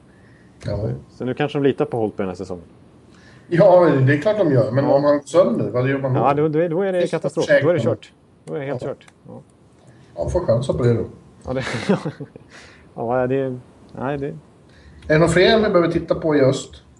Eh, nej, det, det, det, topp. Philadelphia har ju knapat in lite men åker på så här förödande förluster som den mot Columbus igår. Det gamla vanliga Philadelphia den här säsongen var det som visade sig. Om ja, de får börja fundera på om de inte ska vara sellers. Precis, eh, och Ron Hextall där tyckte jag uttalade sig häromdagen att, att eh, ja, att de kommer i alla fall inte vara buyers. utan Nej. Det, och nödvändigtvis inte tog sellers heller med tanke på eh, hur, ja, men det, men det, kan, det kan nog bli så. Alltså, om de fortsätter förlora här och när det framme vid deadline-dagen där att det är i princip kört, helt kört. Då, då har de ju ganska många intressanta namn ändå. Och inte minst då Kimmo Timonen, om han hinner göra comeback. Eh, det är ändå hans förmodligen sista chans i karriären. Och, jo, visst. Jättekul, men man har varit borta så länge så ska man inte hoppas på underverk från en man i den åldern. Nej. Frågan är hur mycket lag... Jag tror ändå att det skulle vara intressant för vissa lag, eh, contenders, att, eh, nu med den här snäva backmarknaden också, att testa Timonen. Men då vill man nog inte ge upp mycket för honom, utan det, det blir ett ganska billigt pris. Ja. Eh, men... Eh, Sen har de ju andra, sen har ju, de, de är ju villiga att ge bort mycket backar där i, i Philadelphia. Vi vet ju att de är inte speciellt nöjda med, med Grossman, de är inte nöjda med Luke Chen, de är inte nöjda med Andrew McDonald. Och, men, men grejen är att de har, många av de här backarna har utgående kontrakt nästa säsong. Eh, en sån som Grossman har ju det, en sån som Luke Chen har ju det. Fördelen med Luke Chen för många lag är att han är högfattad. Sen har han en väldigt svag säsong bakom sig i och för sig. Braydon Coburn är ju en back som väldigt många lag kommer ha. Också, Coburn är ju också högerfattad. Nej, eller är han det förresten? Jag tror det. Eh, som, är, som, som många lag naturligtvis. Han är ju han är ju ändå en väldigt bra back. Coburn. Så att, eh, han, tror jag, han tror jag kan rycka faktiskt från Philadelphia om de blir sellers vid deadline. Ja. Okej, okay. We'll see. Nu får vi flytta till västra konferensen. Ja, vi, vi, vi åker till, till väst. Vi åker, vi går, Ja, precis. Vi går ju framförallt igenom topplag här nu. Alltså vi, vi buyers, vad, vad vi tror att eh, slutspelslagen vill vi göra. Ja. Vi, vi tar Nashville då. Ja, men de tror jag är klara. Jag tror också de är klara. Vi har ju diskuterat deras eh, situation lite grann här. Ja, de har inte så mycket mer att ge upp tror jag. Som, eller villiga att ge upp eh, så mycket mer. Nej, nej. Utan de, de har gjort... Det är precis de har varit inne på. De slog alltså San Jose. Just nu så, som tabellen ser ut när vi spelar in där, så möter de San Jose i första rundan. Och de slog alltså San Jose med 5-1 utan Franson och Santorelli. Ja, och sex raka. Exakt. Eh, så att det ser ju lovande ut. Det är det hela ligan. Ja, de bara vinner och vinner och vinner. Och, vinner. och Pekarinne, han var ju riktigt eh, eh, svag första matchen efter comebacken som vi såg på plats mot. Anaheim. Men sen har han varit otroligt bra som dess.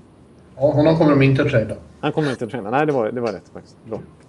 Ja, St. Louis då. Det är lite upp och ner nu tycker jag. Ja, de, de, de kan eh, göra några enorma prestationer och spela enorm fin hockey Och sen så kan de helt plötsligt bara förlora så här med 4-1 ja. som mot eh, Dallas var det väl här. Ja. Eh, och eh, 7-1 mot Columbus för några veckor sedan. Ja, det gäller att, att vara bra i slutspel har de förstått nu. Ja, exakt. De, de kan ta några nights off när de ändå ligger ja. så pass bra.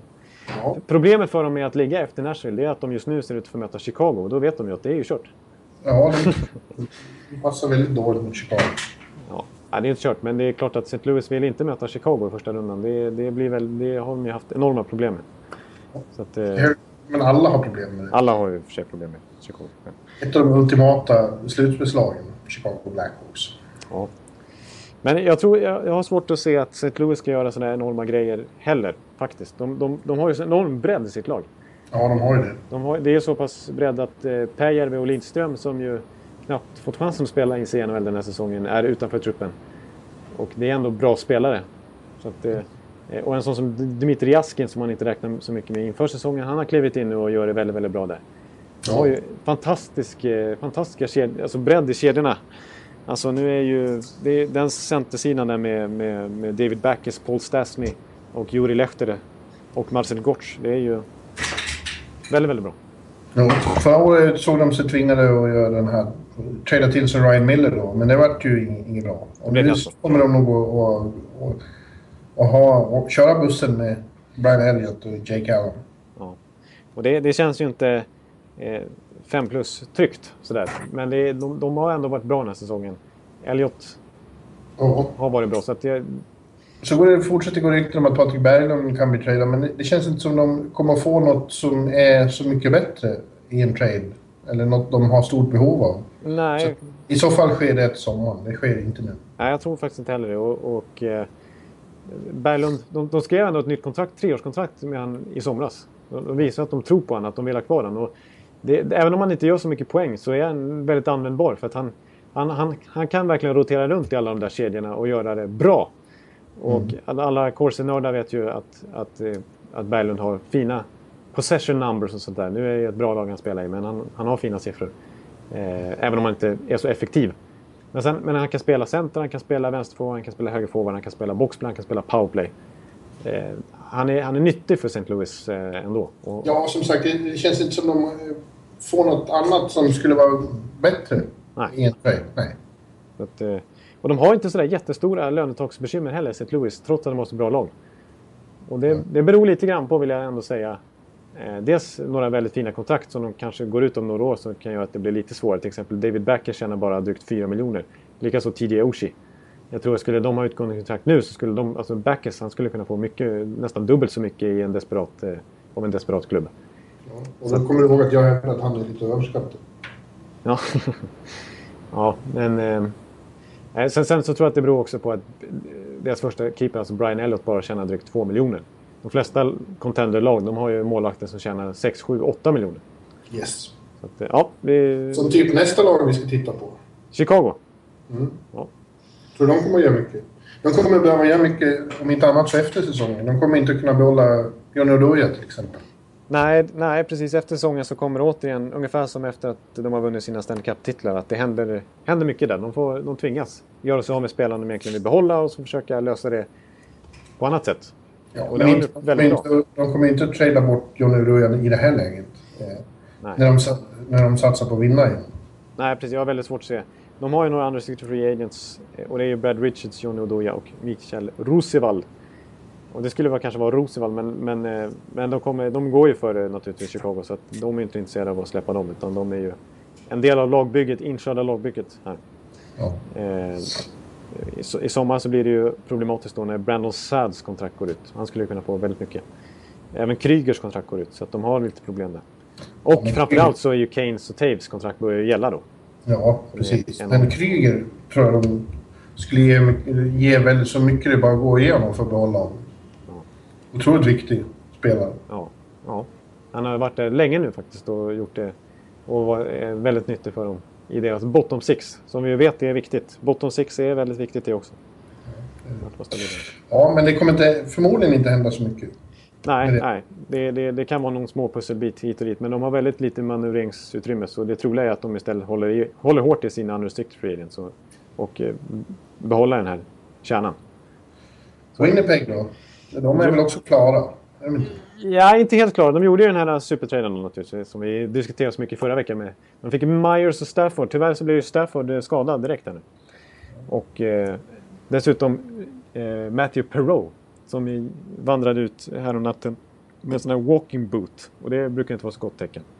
Nej. Matthew Perreault har ju varit fantastisk för dem den här säsongen. En, en, en, en underskattad eh, summer signing alltså. De fick han för bara 3 miljoner och han har ändå producerat mycket poäng senaste åren i NHL i både Washington och Anaheim. Och, eh, men nu är han borta och, det, och även, nu får vi se hur allvarligt det är med Stafford. Då. Eh, men då, då blir de ganska tunna igen där på forwardsidan. Eh, och, eh, så att det, och även innan den här traden så har det sagts att de snarare vill förstärka ytterligare med någon till topp 9 topp 9 forward åtminstone.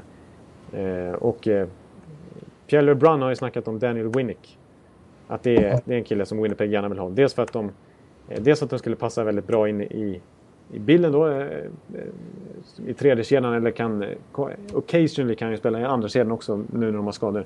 Och så var de ju faktiskt... Det var Toronto och Winnipeg som ville värva honom i somras. Så att de har visat stort intresse för honom tidigare. Annars är det ju sådana killar som, som finns tillgängliga. Som, jag tror att de skulle kunna hitta lite eh, breddspelare i Florida där. Alltså en sån som Bergenheim till exempel, eller Fleischmann. ja, kanske det. Tror jag skulle nog få, kunna få ganska billigt. Eller en sån som Jirit Slushti från, eh, från eh, Carolina. Han har gjort ganska mycket mål den här säsongen trots att de går dåligt som lag. Jag har kommit på mig själv och hoppas verkligen att Winnipeg går till slutspel. Ja. Det skulle vara... Ja, dels för att de ju aldrig har varit där, höll jag på att säga. Men Tobias Enström aldrig har varit i slutspel. Och jag tror det skulle betyda så otroligt mycket för stan där, som är hockeytokig. Ja. Det skulle bli, det skulle bli ett jävla tryck där. det skulle bli ett supertryck där. Ja. Det var någon... Eh, Så att det, jag tror inte det är något, eh, någon drömmotståndare för eh, de som får gå upp mot dem. nej, det är en tung eh, flygresa dit och en eh, galet tryck i den lilla arenan. Ja, just nu ser det ut som Anaheim då. Ja. Anaheim Winnipeg. Det låter inte som en dröm för Bruce Boudreau. Nej, nej, precis. Han kan bli... Ja, faktiskt. Det är väl de vi ska prata om nu. Jag ska springa och hämta kaffe. Du kan börja. Jag hör dig. Ja. ja, men då börjar jag prata lite om Anaheim Ducks. Som ju eh, har lite, fått lite jobbiga problem här alldeles nyligen. När Sami Vatanen har blivit skadad, högerfattad offensiv back. 4-6 veckor snackas det om. Och Beleski, en av deras eh, bättre vänsterforwards, har också gått sönder. Gjort över 20 mål den här säsongen. Och eh, borta upp till en månad. De borde ju vara tillbaka till slutspelet. Men eh, det kan bli... Det är ändå lite kärvt och li, satt lite käppar i hjulet för Anaheim som och det är därav jag eh, läst någonstans till exempel med Louis Eriksson. Ja. Eh, Att de alla, kanske inte just Louis blir svaret då, men att, att, att Murray där i Anaheim kommer vara rätt aktiv nu och även på backfronten. Ja, det sägs att jag har hört att det har varit en hel del problem på backsidan. Dels med skador, men dels att alla inte har riktigt, riktigt varit så bra som man har hoppats. Nej? Med undantag för Hampus Lindholm som har varit väldigt bra igen. Ja, precis. Men vad tror du de skulle vara beredda att ge upp då? Ja, eh, en som nämns ofta tycker jag när det är när, när Anaheim... För de har ganska... Alltså det, det kan bli en svensk faktiskt. Det kan bli en sån som William Karlsson ligger... Kan vara en sån som blir tradad. Men en, en annan som nämns ofta tycker jag när, i en sån här deal. Det, skulle, det är ju den här Devante Smith-Pelly. Ja. Skulle kunna ryka. Eller Marquette, Emerson va? Etem eller något sånt där. De har ju ganska mycket unga killar som de skulle, skulle potentiellt kunna ge upp. Och även prospect som ligger som inte har kommit in i NHL än. Så att, Silverberg Silverberg faktiskt, men... Eh, och ja, Rakell. ja, men Rakell eh, tror jag att, att de tror väldigt mycket på i Anaheim. Alltså, så han har ju verkligen tagit plats där som tredje center nu. Så jag, jag tror de är väldigt nöjda med sin centersida där med Getzlaff, Kessler, Rakell och eh, Thompson. Så att, eh, Silverberg kan leva lite farligt. Silverberg kan leva lite farligt och han nämns i, i, i, i trade-rykten faktiskt som en kille de kan offra för att kanske få in en, en, en, en riktigt stark topp 4-back då. Och de också, har ju också det här problemet att de allra helst vill ha en högerfattad kille. Inte minst nu när en av deras få högerfattade killar, Sami Vatanen, har gått sönder. Eh, men ett lite intressant som jag läste här, jag tror det var, om det var Elliot Friedman som skrev det, häromdagen, alldeles nyligen. Att, eh, att Curtis Glencross, som ju är en eh, skicklig vänsterforward, en lite poor man's Chris Cooney skulle jag vilja säga, i, uppe, i, uppe i Calgary. Ja. Ja. Eh, att han har lite strandade kontraktsförhandlingar med Calgary. Och Calgary ligger på slutspelsplats. Vi kommer diskutera dem alldeles snart här. Och han vill de naturligtvis inte ge upp då, men han har fått lite sämre med speltid här sedan han kom tillbaka från skada. Och sen dess har det varit lite, inte frostigt, men det har, Eh, det har strandat lite där i deras tradesnack. Och han har, han har en, någon slags klausul i sitt kontrakt som gör att han kan styra lite grann över en trade. Eh, jag vet, det är ingen full no trade-klausul, men jag tror att han ändå kan välja en liten lista. Och att han då ska ha sagt att, att han är väldigt intresserad i så fall av att bli tradad till Anaheim. Det är det lagen han helst vill trada till. Och jag tror att det skulle vara en väldigt bra fit i Anaheim. Han är ju lite Chris Kunitz kille och han har, vi vet ju att Chris Kunitz och Ryan Getzlaff och Corey Perry var en fantastisk första kedja. En fantastisk kedja när de vann Stanley Cup. Eh, så att, det tror jag skulle vara fantastiskt bra vänsterforward att få in om de lyckas eh, lösa det med Calgary. Lite oväntat ändå skulle jag tro, men kan hända. Ja. För just nu, som det är med skadan på Beleski, deras vänsterforwardsuppsättning just nu är Patrick Maroon, Devonte Smith Pelly, Andrew Cogliano och Andrew, Am, Emerson Eaton. Det tycker inte jag låter som ett... Även med Matt Beleski med där så tycker jag inte det låter som en Stanley Cup-vinnande vänsterforwardssida. Nej, det kan nog ligga något i. Ja. Jag, jag, jag, Bruce Boudreaus eh, karriär hänger på det. Ja, ja det är, exakt. Det är väldigt viktigt. Misslyckas han i slutspel en gång till, då, då är det en morsning och goodbye. Ja, det, det här är... Det är så är det är en. Det är mitt andra band. Morsning och goodbye. ja, Hometown Boy med morsning och goodbye. Ja. ja. Nej, men jag, tror, jag tror att, eh, att Anaheim eh, kommer vara ganska aggressiva här. Och ja, det, det, det verkar ju så. Det verkar så. Och i, om det inte blir något roligare än så här eh, som de namn jag nämner nu så kan det åtminstone bli en sån som kanske Jeff Petrie eller eh, Michalek eller Marek Sidlicki som ju är tillgänglig förmodligen från eh, New Jersey också. Sidlicki... Ekman Larsson. Ja, just det. Ja, det vore ju lite mer blockpassning. Mot Getzlaff och lite så. Ja. Den, den, ja. Sen har vi Vancouver du. Ja, precis. Vancouver som har eh, jättestora skadeproblem nu på backsidan. Ja, Både Edler Week to Week är han listad som och Bieksa är på Injured Reserve. De är, här, de är här i stan i New York nu. De ska spela ja, mot alla lagen här med, med start mot Rangers imorgon torsdag kväll. Det ska bli kul. Jag ska gå på eh, morning skate imorgon och, och, och hänga där. Ja, och är det inte så att du får, förutom att du får hänga med bröderna Sedin och så vidare, så får du hänga med Uffe Bodin, är det så? Och Sibner. Ja, Uffe Bodin och Sibner, de kommer hit redan ikväll, är det sagt. De landar idag och eh, planen är att de ska komma hit och sitta i, i soffan. Detta är ju enormt. NHL, den heliga graalen för intresserade NHL, för svenskar intresserade av NHL som Sibner uttryckte. Han tänkte ta med sig en, en flaska bourbon och sitta här och se till att det blir bra material i bloggen. Ja, ja det, det tycker jag är helt rätt. Jag har ju egen erfarenhet av eh, hur det känns att, att sitta där och, och mecka med din eh, fjärrkontroll bland alla NHL-kanaler som du har. Ja, det är inte dumt. också. Ja, du ser. Ja. ja, men du, vad tror du de kommer göra då? Vancouver, ja. Eh, annars, alltså fram till de här skadorna så har det framförallt varit snack om, eh, om, eh, om en andra center där. Med tanke på att Nick Bonino dels har varit lite skadad och är det just nu faktiskt. Men eh, inte riktigt som väntat lyckats fylla upp eh, eh, Ryan Kesslers mantel där. Och de är ändå på slutspelsplats nu och de kommer snarare vara buyers än sellers naturligtvis. Så att, ja, det har sett okej okay. Jag pratade med Bröderna Sedin en del på slutet för de har kommit igång igen efter en liten torka. Mm, mm. Och deras bild är att det som är bra är att det finns bredd i laget och att de även med de här skadorna kan rulla rätt eh, smidigt på, på fyra kedjor. Ja, precis. Och även på backsidan tycker jag det har sett eh, okej okay ut ändå med alla de här eh, nya killarna de har fått eh, slänga upp i, i brist på... Alex Biega spelade sin första match och gjorde mål direkt. Matchavgörande målet mot... Eh, vilka var det nu? Häromdagen. Jag satt och såg det. Men det, det där är ju visst. Det skulle såklart vara jättebra med en, med en bra Andersen, men det finns väl inte så, jättemycket att hämta där heller. Ingen som är i Kessler-klass i alla fall. Nej, utan den, den, den som det snackas om då, det är ju den här killen som toppar i princip alla listor på de Most Sought After Free Agents. Och det vet vi, det är han som jag har snackat om i flera veckor här. Antoine Vermette. Ja, just det. Eh, och han kommer ju vara dyr. Det är ju minst ett första val och lite till som, som hans pris är satt till av Arizona just nu i alla fall. Så att, ja, jag hörde, för att vrida tillbaka det lite, Washington lär ju vara väldigt intresserad av honom också. Ja, precis. Det, det nämnde vi inte. Det, det är klart att eh, Att det skulle också vara en väldigt bra förstärkning för dem. Ja. Eh, och det, då säger jag återigen då, poor man's Ryan Kessler. Är inte det allt han vill med?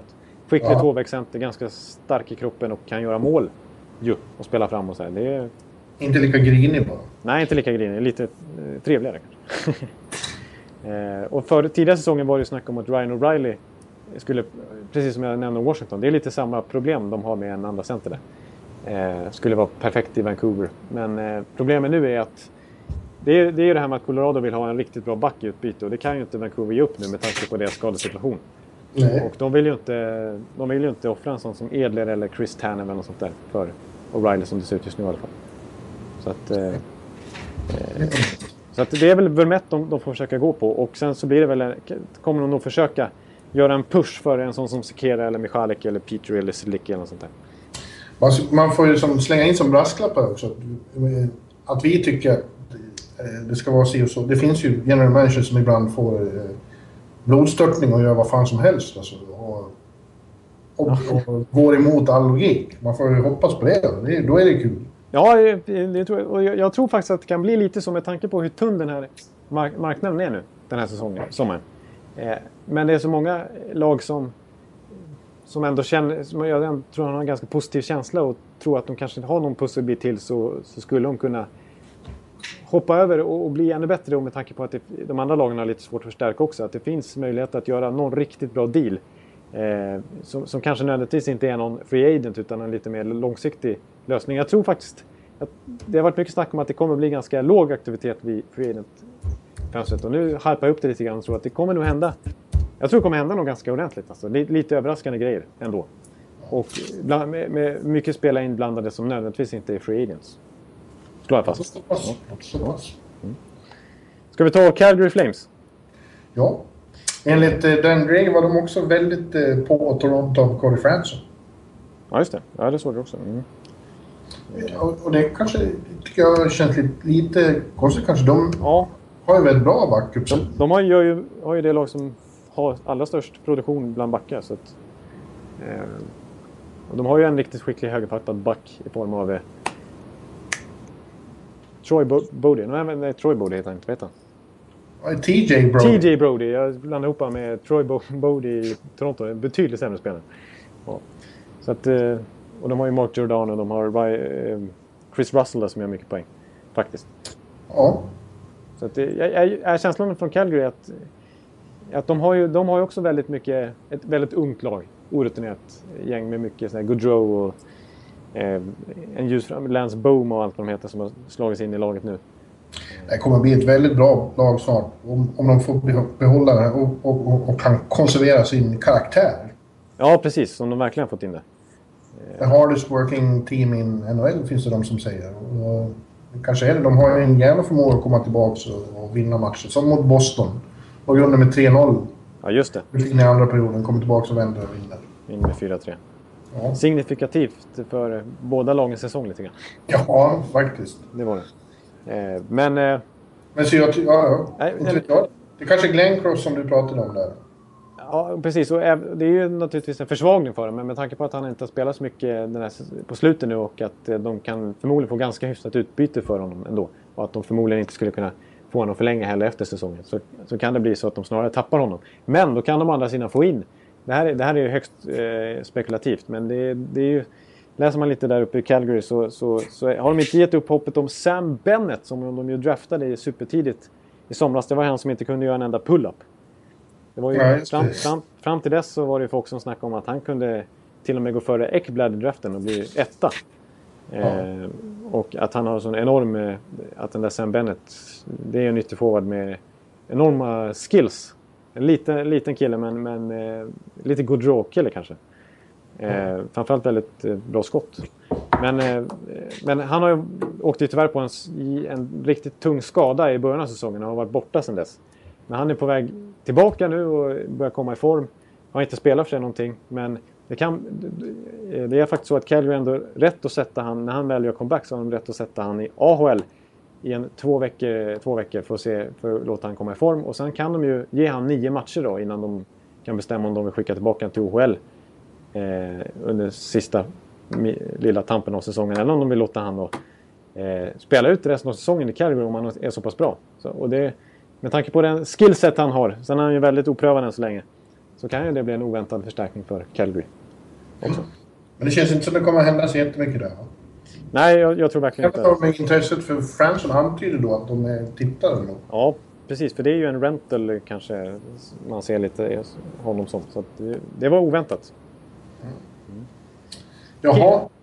San Jose då? De skulle ju verkligen behöva göra saker tycker jag ser ut som. Men det finns väl kanske inte så mycket utrymme för det. Nej, San Jose, det är, det är svårt. Det, det, de, de, de har inte någon bra trend just nu alltså. Verkligen inte. Eh, Det såg inte bra ut mot Nashville där, 5 torsk. Nej. Och det såg inte bra ut som jag sa i, i dokumentären när man får följa dem in i omklädningsrummet. McClellan är ursinnig emellanåt på att de... Eh, vi är bättre än så här, vi är bättre än så här, skriker han. Framförallt är han otroligt upprörd över powerplay så dåligt. Att eh, de är för slappa och för slarviga i, i, i powerplay som ju har varit en, ett av ligans eh, mest potenta i åtskilliga år. Ja, precis. Och ett- under den här säsongen, under, under stundom också, har det sett otroligt bra ut. Jag tycker att, att de, för att ha så mycket skickliga spelare, så tycker jag att de har varit i alla fall väldigt skickliga på att komma, på, komma, alltså komma till avslut. Att, Ja. att ta avslut i rätt lägen och inte bli så plottriga. Utan det är killar som, om, bortsett från Thornton kanske, så Marlowe, Marlowe och Pavelski och Couture och Burns, de skjuter ju på allting. Liksom. Ja. Att, eh, Det enda match de vann under den här senaste eh, resan som eh, Epics då med TV-kanalen var med på var en eh, match mot Arizona. Men även då låg de under med ett par mål efter en period och då reste sig Joe Pavelski i omklädningsrummet fick man se och höll ett eh, brandtal. Och sen gick han ut och gjorde hattricks. alltså.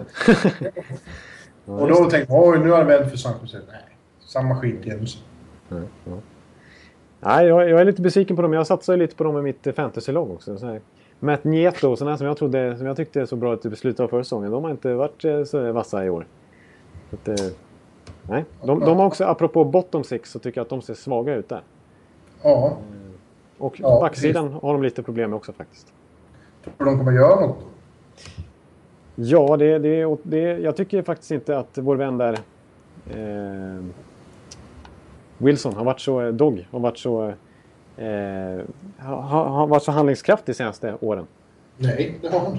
Det är det minsta man kan beskylla honom Det, det är det minsta, och det har varit ganska lite surr tycker jag överlag om San Jose. Och nu är- när de är i en osäker situation här om hur det kommer bli med slutspel. De går ju naturligtvis för, för det naturligtvis. Men eh, eh, jag, jag har svårt att se vad han kommer hitta på faktiskt. Han det känns som att de... Han verkar lite handlingsförlamad. Inför den här, efter förra säsongen sa han nu, nu, nu blir det rebuild. Ja. Och sen det enda som hände var att Joe Thornton inte är lagkapten längre. Ja, det var deras stora off-season move. ja. ja. Så att eh, det, det, det, man har väldigt svårt att se vad han ska hitta på där. Jag tror att de lever farligt nu om de får ordning på det här. För lagen som kommer bakifrån är ju milt uttryckt eh, starka nu.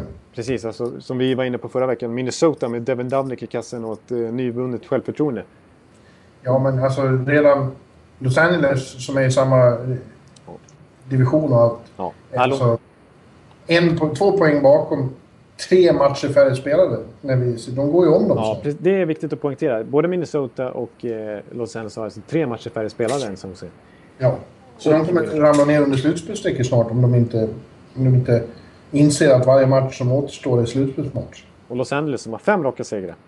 Ja. Ser riktigt bra ut. Och vad gör de då tror du? Eh, ja, Los Angeles. Det- De har ju haft en bra förmåga på slutet att ta in enskilda uh, jackpots som Gabrick förra året. Men det finns väl inget riktigt utrymme för det nu. Nej, de har, de har jätteproblem där och det är ju, har ju till stor del att göra med Voinov-situationen där som skapar en, en, en jättelucka för dem. Det var någon Ja. kille som... Det, det är Drew Dowdy som har fått rubrikerna eh, i den där backuppsättningen som han tjänar mest och är den bästa backen. En otroligt skicklig kille. Och sen så förra året i slutspelet så kom ju sådana killar som Jake Massin verkligen fram och fick rubriker. Och Alec Martinez som gjorde en massa viktiga mål och så här. Men Voinov var ju en riktigt, eh, en riktig stöttepelare redan för säsongen naturligtvis. Eh, och kunde logga 25 minuter per match och spela i alla olika möjliga situationer. Dels i powerplay men framförallt kanske i boxplay också. Och att han nu bara försvinner sådär utan att de får någon kompensation eller någonting. Han är bara borta nu och det är helt oklart om han någonsin kommer spela med i NHL efter den här eh, eh, jobbiga sit- sitsen som han har försatt sig i själv. Eh, så, eh, så, så, så, de var ju, där har ju också snackats om att de, de var, hörde sig för i allra högsta grad om Cody Franson. De vill ju ha en, en spelskicklig högerfattad back som ju Voinov var. Så snacka om en sån här kille som man verkligen, eh, alltså, apropå Voinov, alltså Voinov, högerfattad tvåvägsback som kan spela 25 minuter. Det är, liksom, det är ju precis det man vill ha. Och bara tappa en sån utan kompensation, det är tufft. Men de, de, de, de, har alltså enorma problem mot lönetaket och i sommar ska de förlänga med Tyler Toffoli som kanske har varit deras bästa spelare den säsongen tillsammans med Carter och Kopitar och Dowdy. Mm. Så att, eh, och, och, även Justin Williams och eh, Jarrett Stoll sitter ju på utgående kontrakt. Jag som följer den här serien nu kan ju dessutom meddela att eh, en sån som Trevor, Trevor Lewis plötsligt är uppflyttad med Kopitar och Gabry. Ja. Ja, just det. Exakt. Eh, nej, men de, de där killarna har ju varit ganska bra på slutet, de där lite mer anonyma. Eh, Dwight King har ju varit väldigt bra på slutet också. På forwardsidan behövs ju inte så mycket göras precis. Nej. Det är lite kul med Dwight King, för han har också ett, han har väl nummer 74 tror jag. Han har ju gått in i Dead 70s line nu när Tanner Pearson är borta. Ja. Han, har ju, han passar ju bra där eftersom att eh, han ändå har ett nummer på 70. Han har gjort sju poäng på de senaste fyra matcherna när vi spelar in där, Dwight King. Det är roligt för övrigt att, vi, att världen aldrig lär sig om King. Vi, alla var ju efter de här långa förlustsviten och de var fem och sex poäng under strecket. Nej, men nu, det här går Nu är de för långt efter. Inte fan, Los Angeles Kings är aldrig för långt efter. När det blir allvar, då kommer de. Ja, ja och det... det, och det var ju likadant de låg under med 3-0 mot San Jose. Det var ju helt kört. Absolut kommer de åka ur. Ja, det är otroligt. Men det som är imponerande med... Eh, för oss som kollar på Corsi, jag ska inte snacka så mycket om det. Men eh, Kings är ju verkligen så här, drömmarnas Corsi-lag ungefär. De ligger alltid i topp där possession-mässigt. De hade ju en sjuk svit här under den här perioden när de var ganska dåliga och förlorade mycket matcher. Men som ändå visar på hur, hur bra de är på att... Eh, Drömmarnas Corsi-lag kallar Ja, men alltså hur bra de är på att eh, alltså, hänga med i varenda match. Så här, de hade ju en svit då från en 29 november till den 13 januari. Som nödvändigtvis inte var en svit där de eh, vann massa matcher. Men de förlorade inte skotten i en enda match. På nästan en och en halv månad. Det är ganska starkt. I den eh, konkurrensen de har i, i den västra konferensen. Såg du Mike Babcock gick ut och sågade Corsi och dylikt? Och fancy stats överhuvudtaget? Alla stora potentater inklusive Per Bjurman har ju sågat Corsi. Så jag... jag har inte sågat, det är ett komplement. Ja, ja, det är ett komplement, men jag håller med om det. Men man kan, man, man kan få nämna det i alla fall. Konservativa Bruce Boudreau-typen. Ja. Men det, det, är i alla fall, jag håller med, det, man ska inte dra några slutsatser av det. Man ska inte anlita Kyle Dubé som eh, en eh, viktig roll i föreningen. Bara för att han är en Corsi-kille. Men, men man kan... Man kan... Också, ni är galna om ni tror att vi signar, signar spelare för att de skjuter mycket. Nej. Nej. Nej. ja, det, som, det, som, för att runda av det här, vi kan väl, eh, jag hävdar att Minnesota och Dallas i högsta grad är inblandade i racet också. Till och med Colorado i någon mån. Ja, Colorado tror jag blir, blir tufft eh, faktiskt. Ja, du tror att de är sellers? Jag tror faktiskt att de är sellers. Jag, jag skrev upp ett namn där som jag tror kan vara intressant för andra lag. Som, jag, jag har inte sett någon spe, spekulation än, men som är en sån här klassisk slutspelscenter i, i, som tredje eller fjärde center. Som bara ett år kvar på kontrakt tror jag efter det här. En miljon dollar tror jag han bara tjänar det året också. Och det är faktiskt good old Max Talbot. Ja, just det. Mm. Ja, det var ingen dum... Det har du rätt i. Man hör ingenting om honom. Nej, men eh, skulle de eh, nu ligga så pass långt efter när det är dags, då tror jag det skulle vara Rangers kanske, nej jag vet inte, men eh, eller något lag som vill stärka upp på centersidan. Eller tillbaka till Pittsburgh kanske, jag vet. Mm. Minnesota då? Ja, Minnesota, de, de, de, tror jag ändå kommer, de tror jag inte kommer vara sellers. De är så, så pass eh, bra form just nu i alla fall och, och de har, kommer fortfarande inte vara så långt efter när trade deadline äger rum. Jag vet inte om de kommer vara buyers heller, men eh, jag, jag har svårt att analysera vad, vad, vad de kommer göra faktiskt, eh, Minnesota. Dallas? Ja, Dallas är intressant också. För skulle de vara så pass långt efter här snart, då har ju faktiskt till och med Jim Neal öppnat för det att ja, då kanske vi släpper våra unrestricted free agents. Och vad som kan bli väldigt pikant då, det är att då kanske Jonas Enroth är en kille som blir tradad igen. För att, vad ska de med Jonas Enroth till när de redan har Kari Lehtonen och de ändå inte har eh, riktigt med i slutspelsracet? Ja, fast jag hävdar att de är det. Fan, ja, jag, jag hävdar definitivt det. De är några ynka poäng ifrån det. Men det och de klappade det, till St. Louis här och Jamie ja, Benn gjorde hattrick. Jamie Benn har ju varit otroligt bra på slutet. Till och med alltså nästan blivit ännu bättre sen Tyler Seguin blev skadad. Ja. Annars kändes det som att det nästan blev, eh, var liksom, att de blev skjutna där lite grann när- Tyler Seguin blev skadad. Nej, då, då sket det sig för Dallas. Men de har spelat väldigt Det bra. avgörs väldigt mycket de- den här veckan. Eh, Ja. Vad som händer i det, för deras del. I, eh, om de kommer ännu närmare så... Det, nej, det är klart de inte ger upp. Nej, nej, och det jag sa Jim Neal också att, eh, att vi, de kommer avvakta med hur de kommer göra de närmaste två veckorna här. Men, men om, om de under de här två veckorna går eh, 7-2 till exempel, då är de ju kanske på slutspelsplats till och med. Då kommer de vara buyers snarare och Ja. försöka hitta luckor. Men går de två, eh, alltså går de 2-7 istället snarare så att de är kanske 10 poäng bakom nästan, då, då är de öppna för att släppa sina sina free agents som har ju till exempel eh, Eric Cole som ju har ändå gjort ganska mycket mål den här säsongen. Som, eh, och, och lite sådana här killar de skulle kunna släppa så på. Orkoff. Workoff. Eh, hög lön, men då skulle de kunna retaina lite salary. Så kanske något lag skulle kunna Ja, det är sånt man får tänka på. Mm. Finns ju det alternativet. Ja, Ja, vi, det är en eh, podcast. så Den är inte klar än.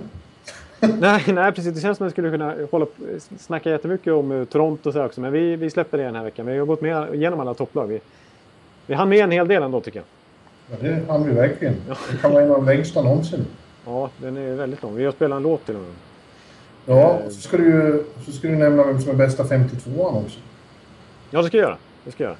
Det är ett väldigt bra, bra, eh, bra 52. Det kommer du på någon, någon på rak arm genom tid? Johan Eriksson.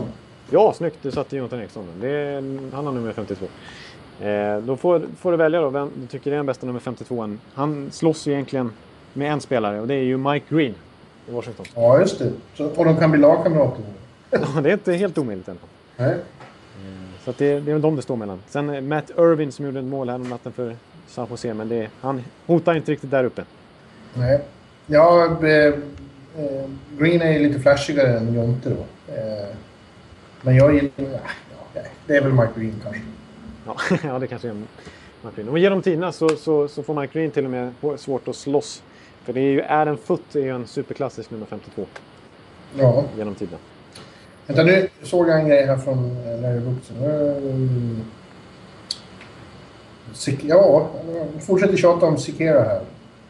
Eh, chances are the price will drop.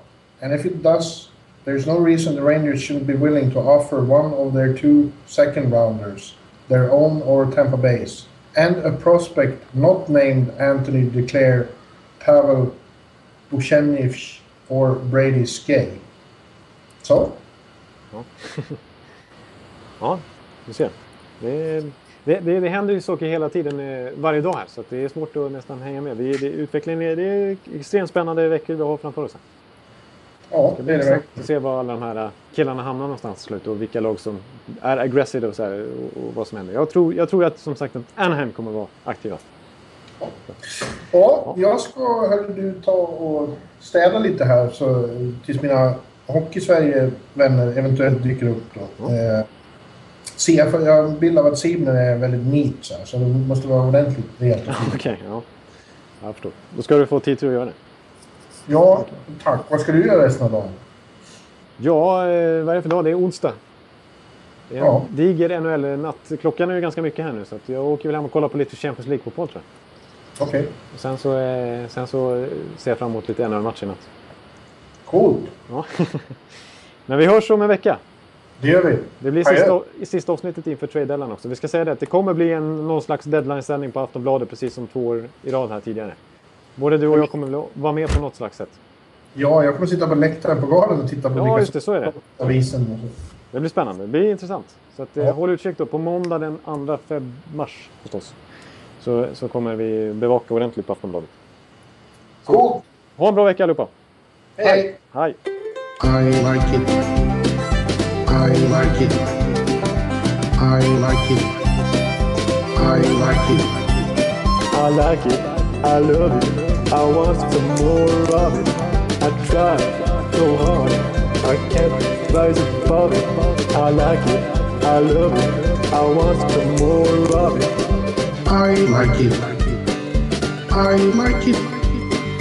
I love it. I love it. I love it. I love it. I like it, I love it, I want some more of it. I try so hard, I can't rise above it. I like it, I love it. I want some more of it. I like it. I like it. I like it. I like it. I like it.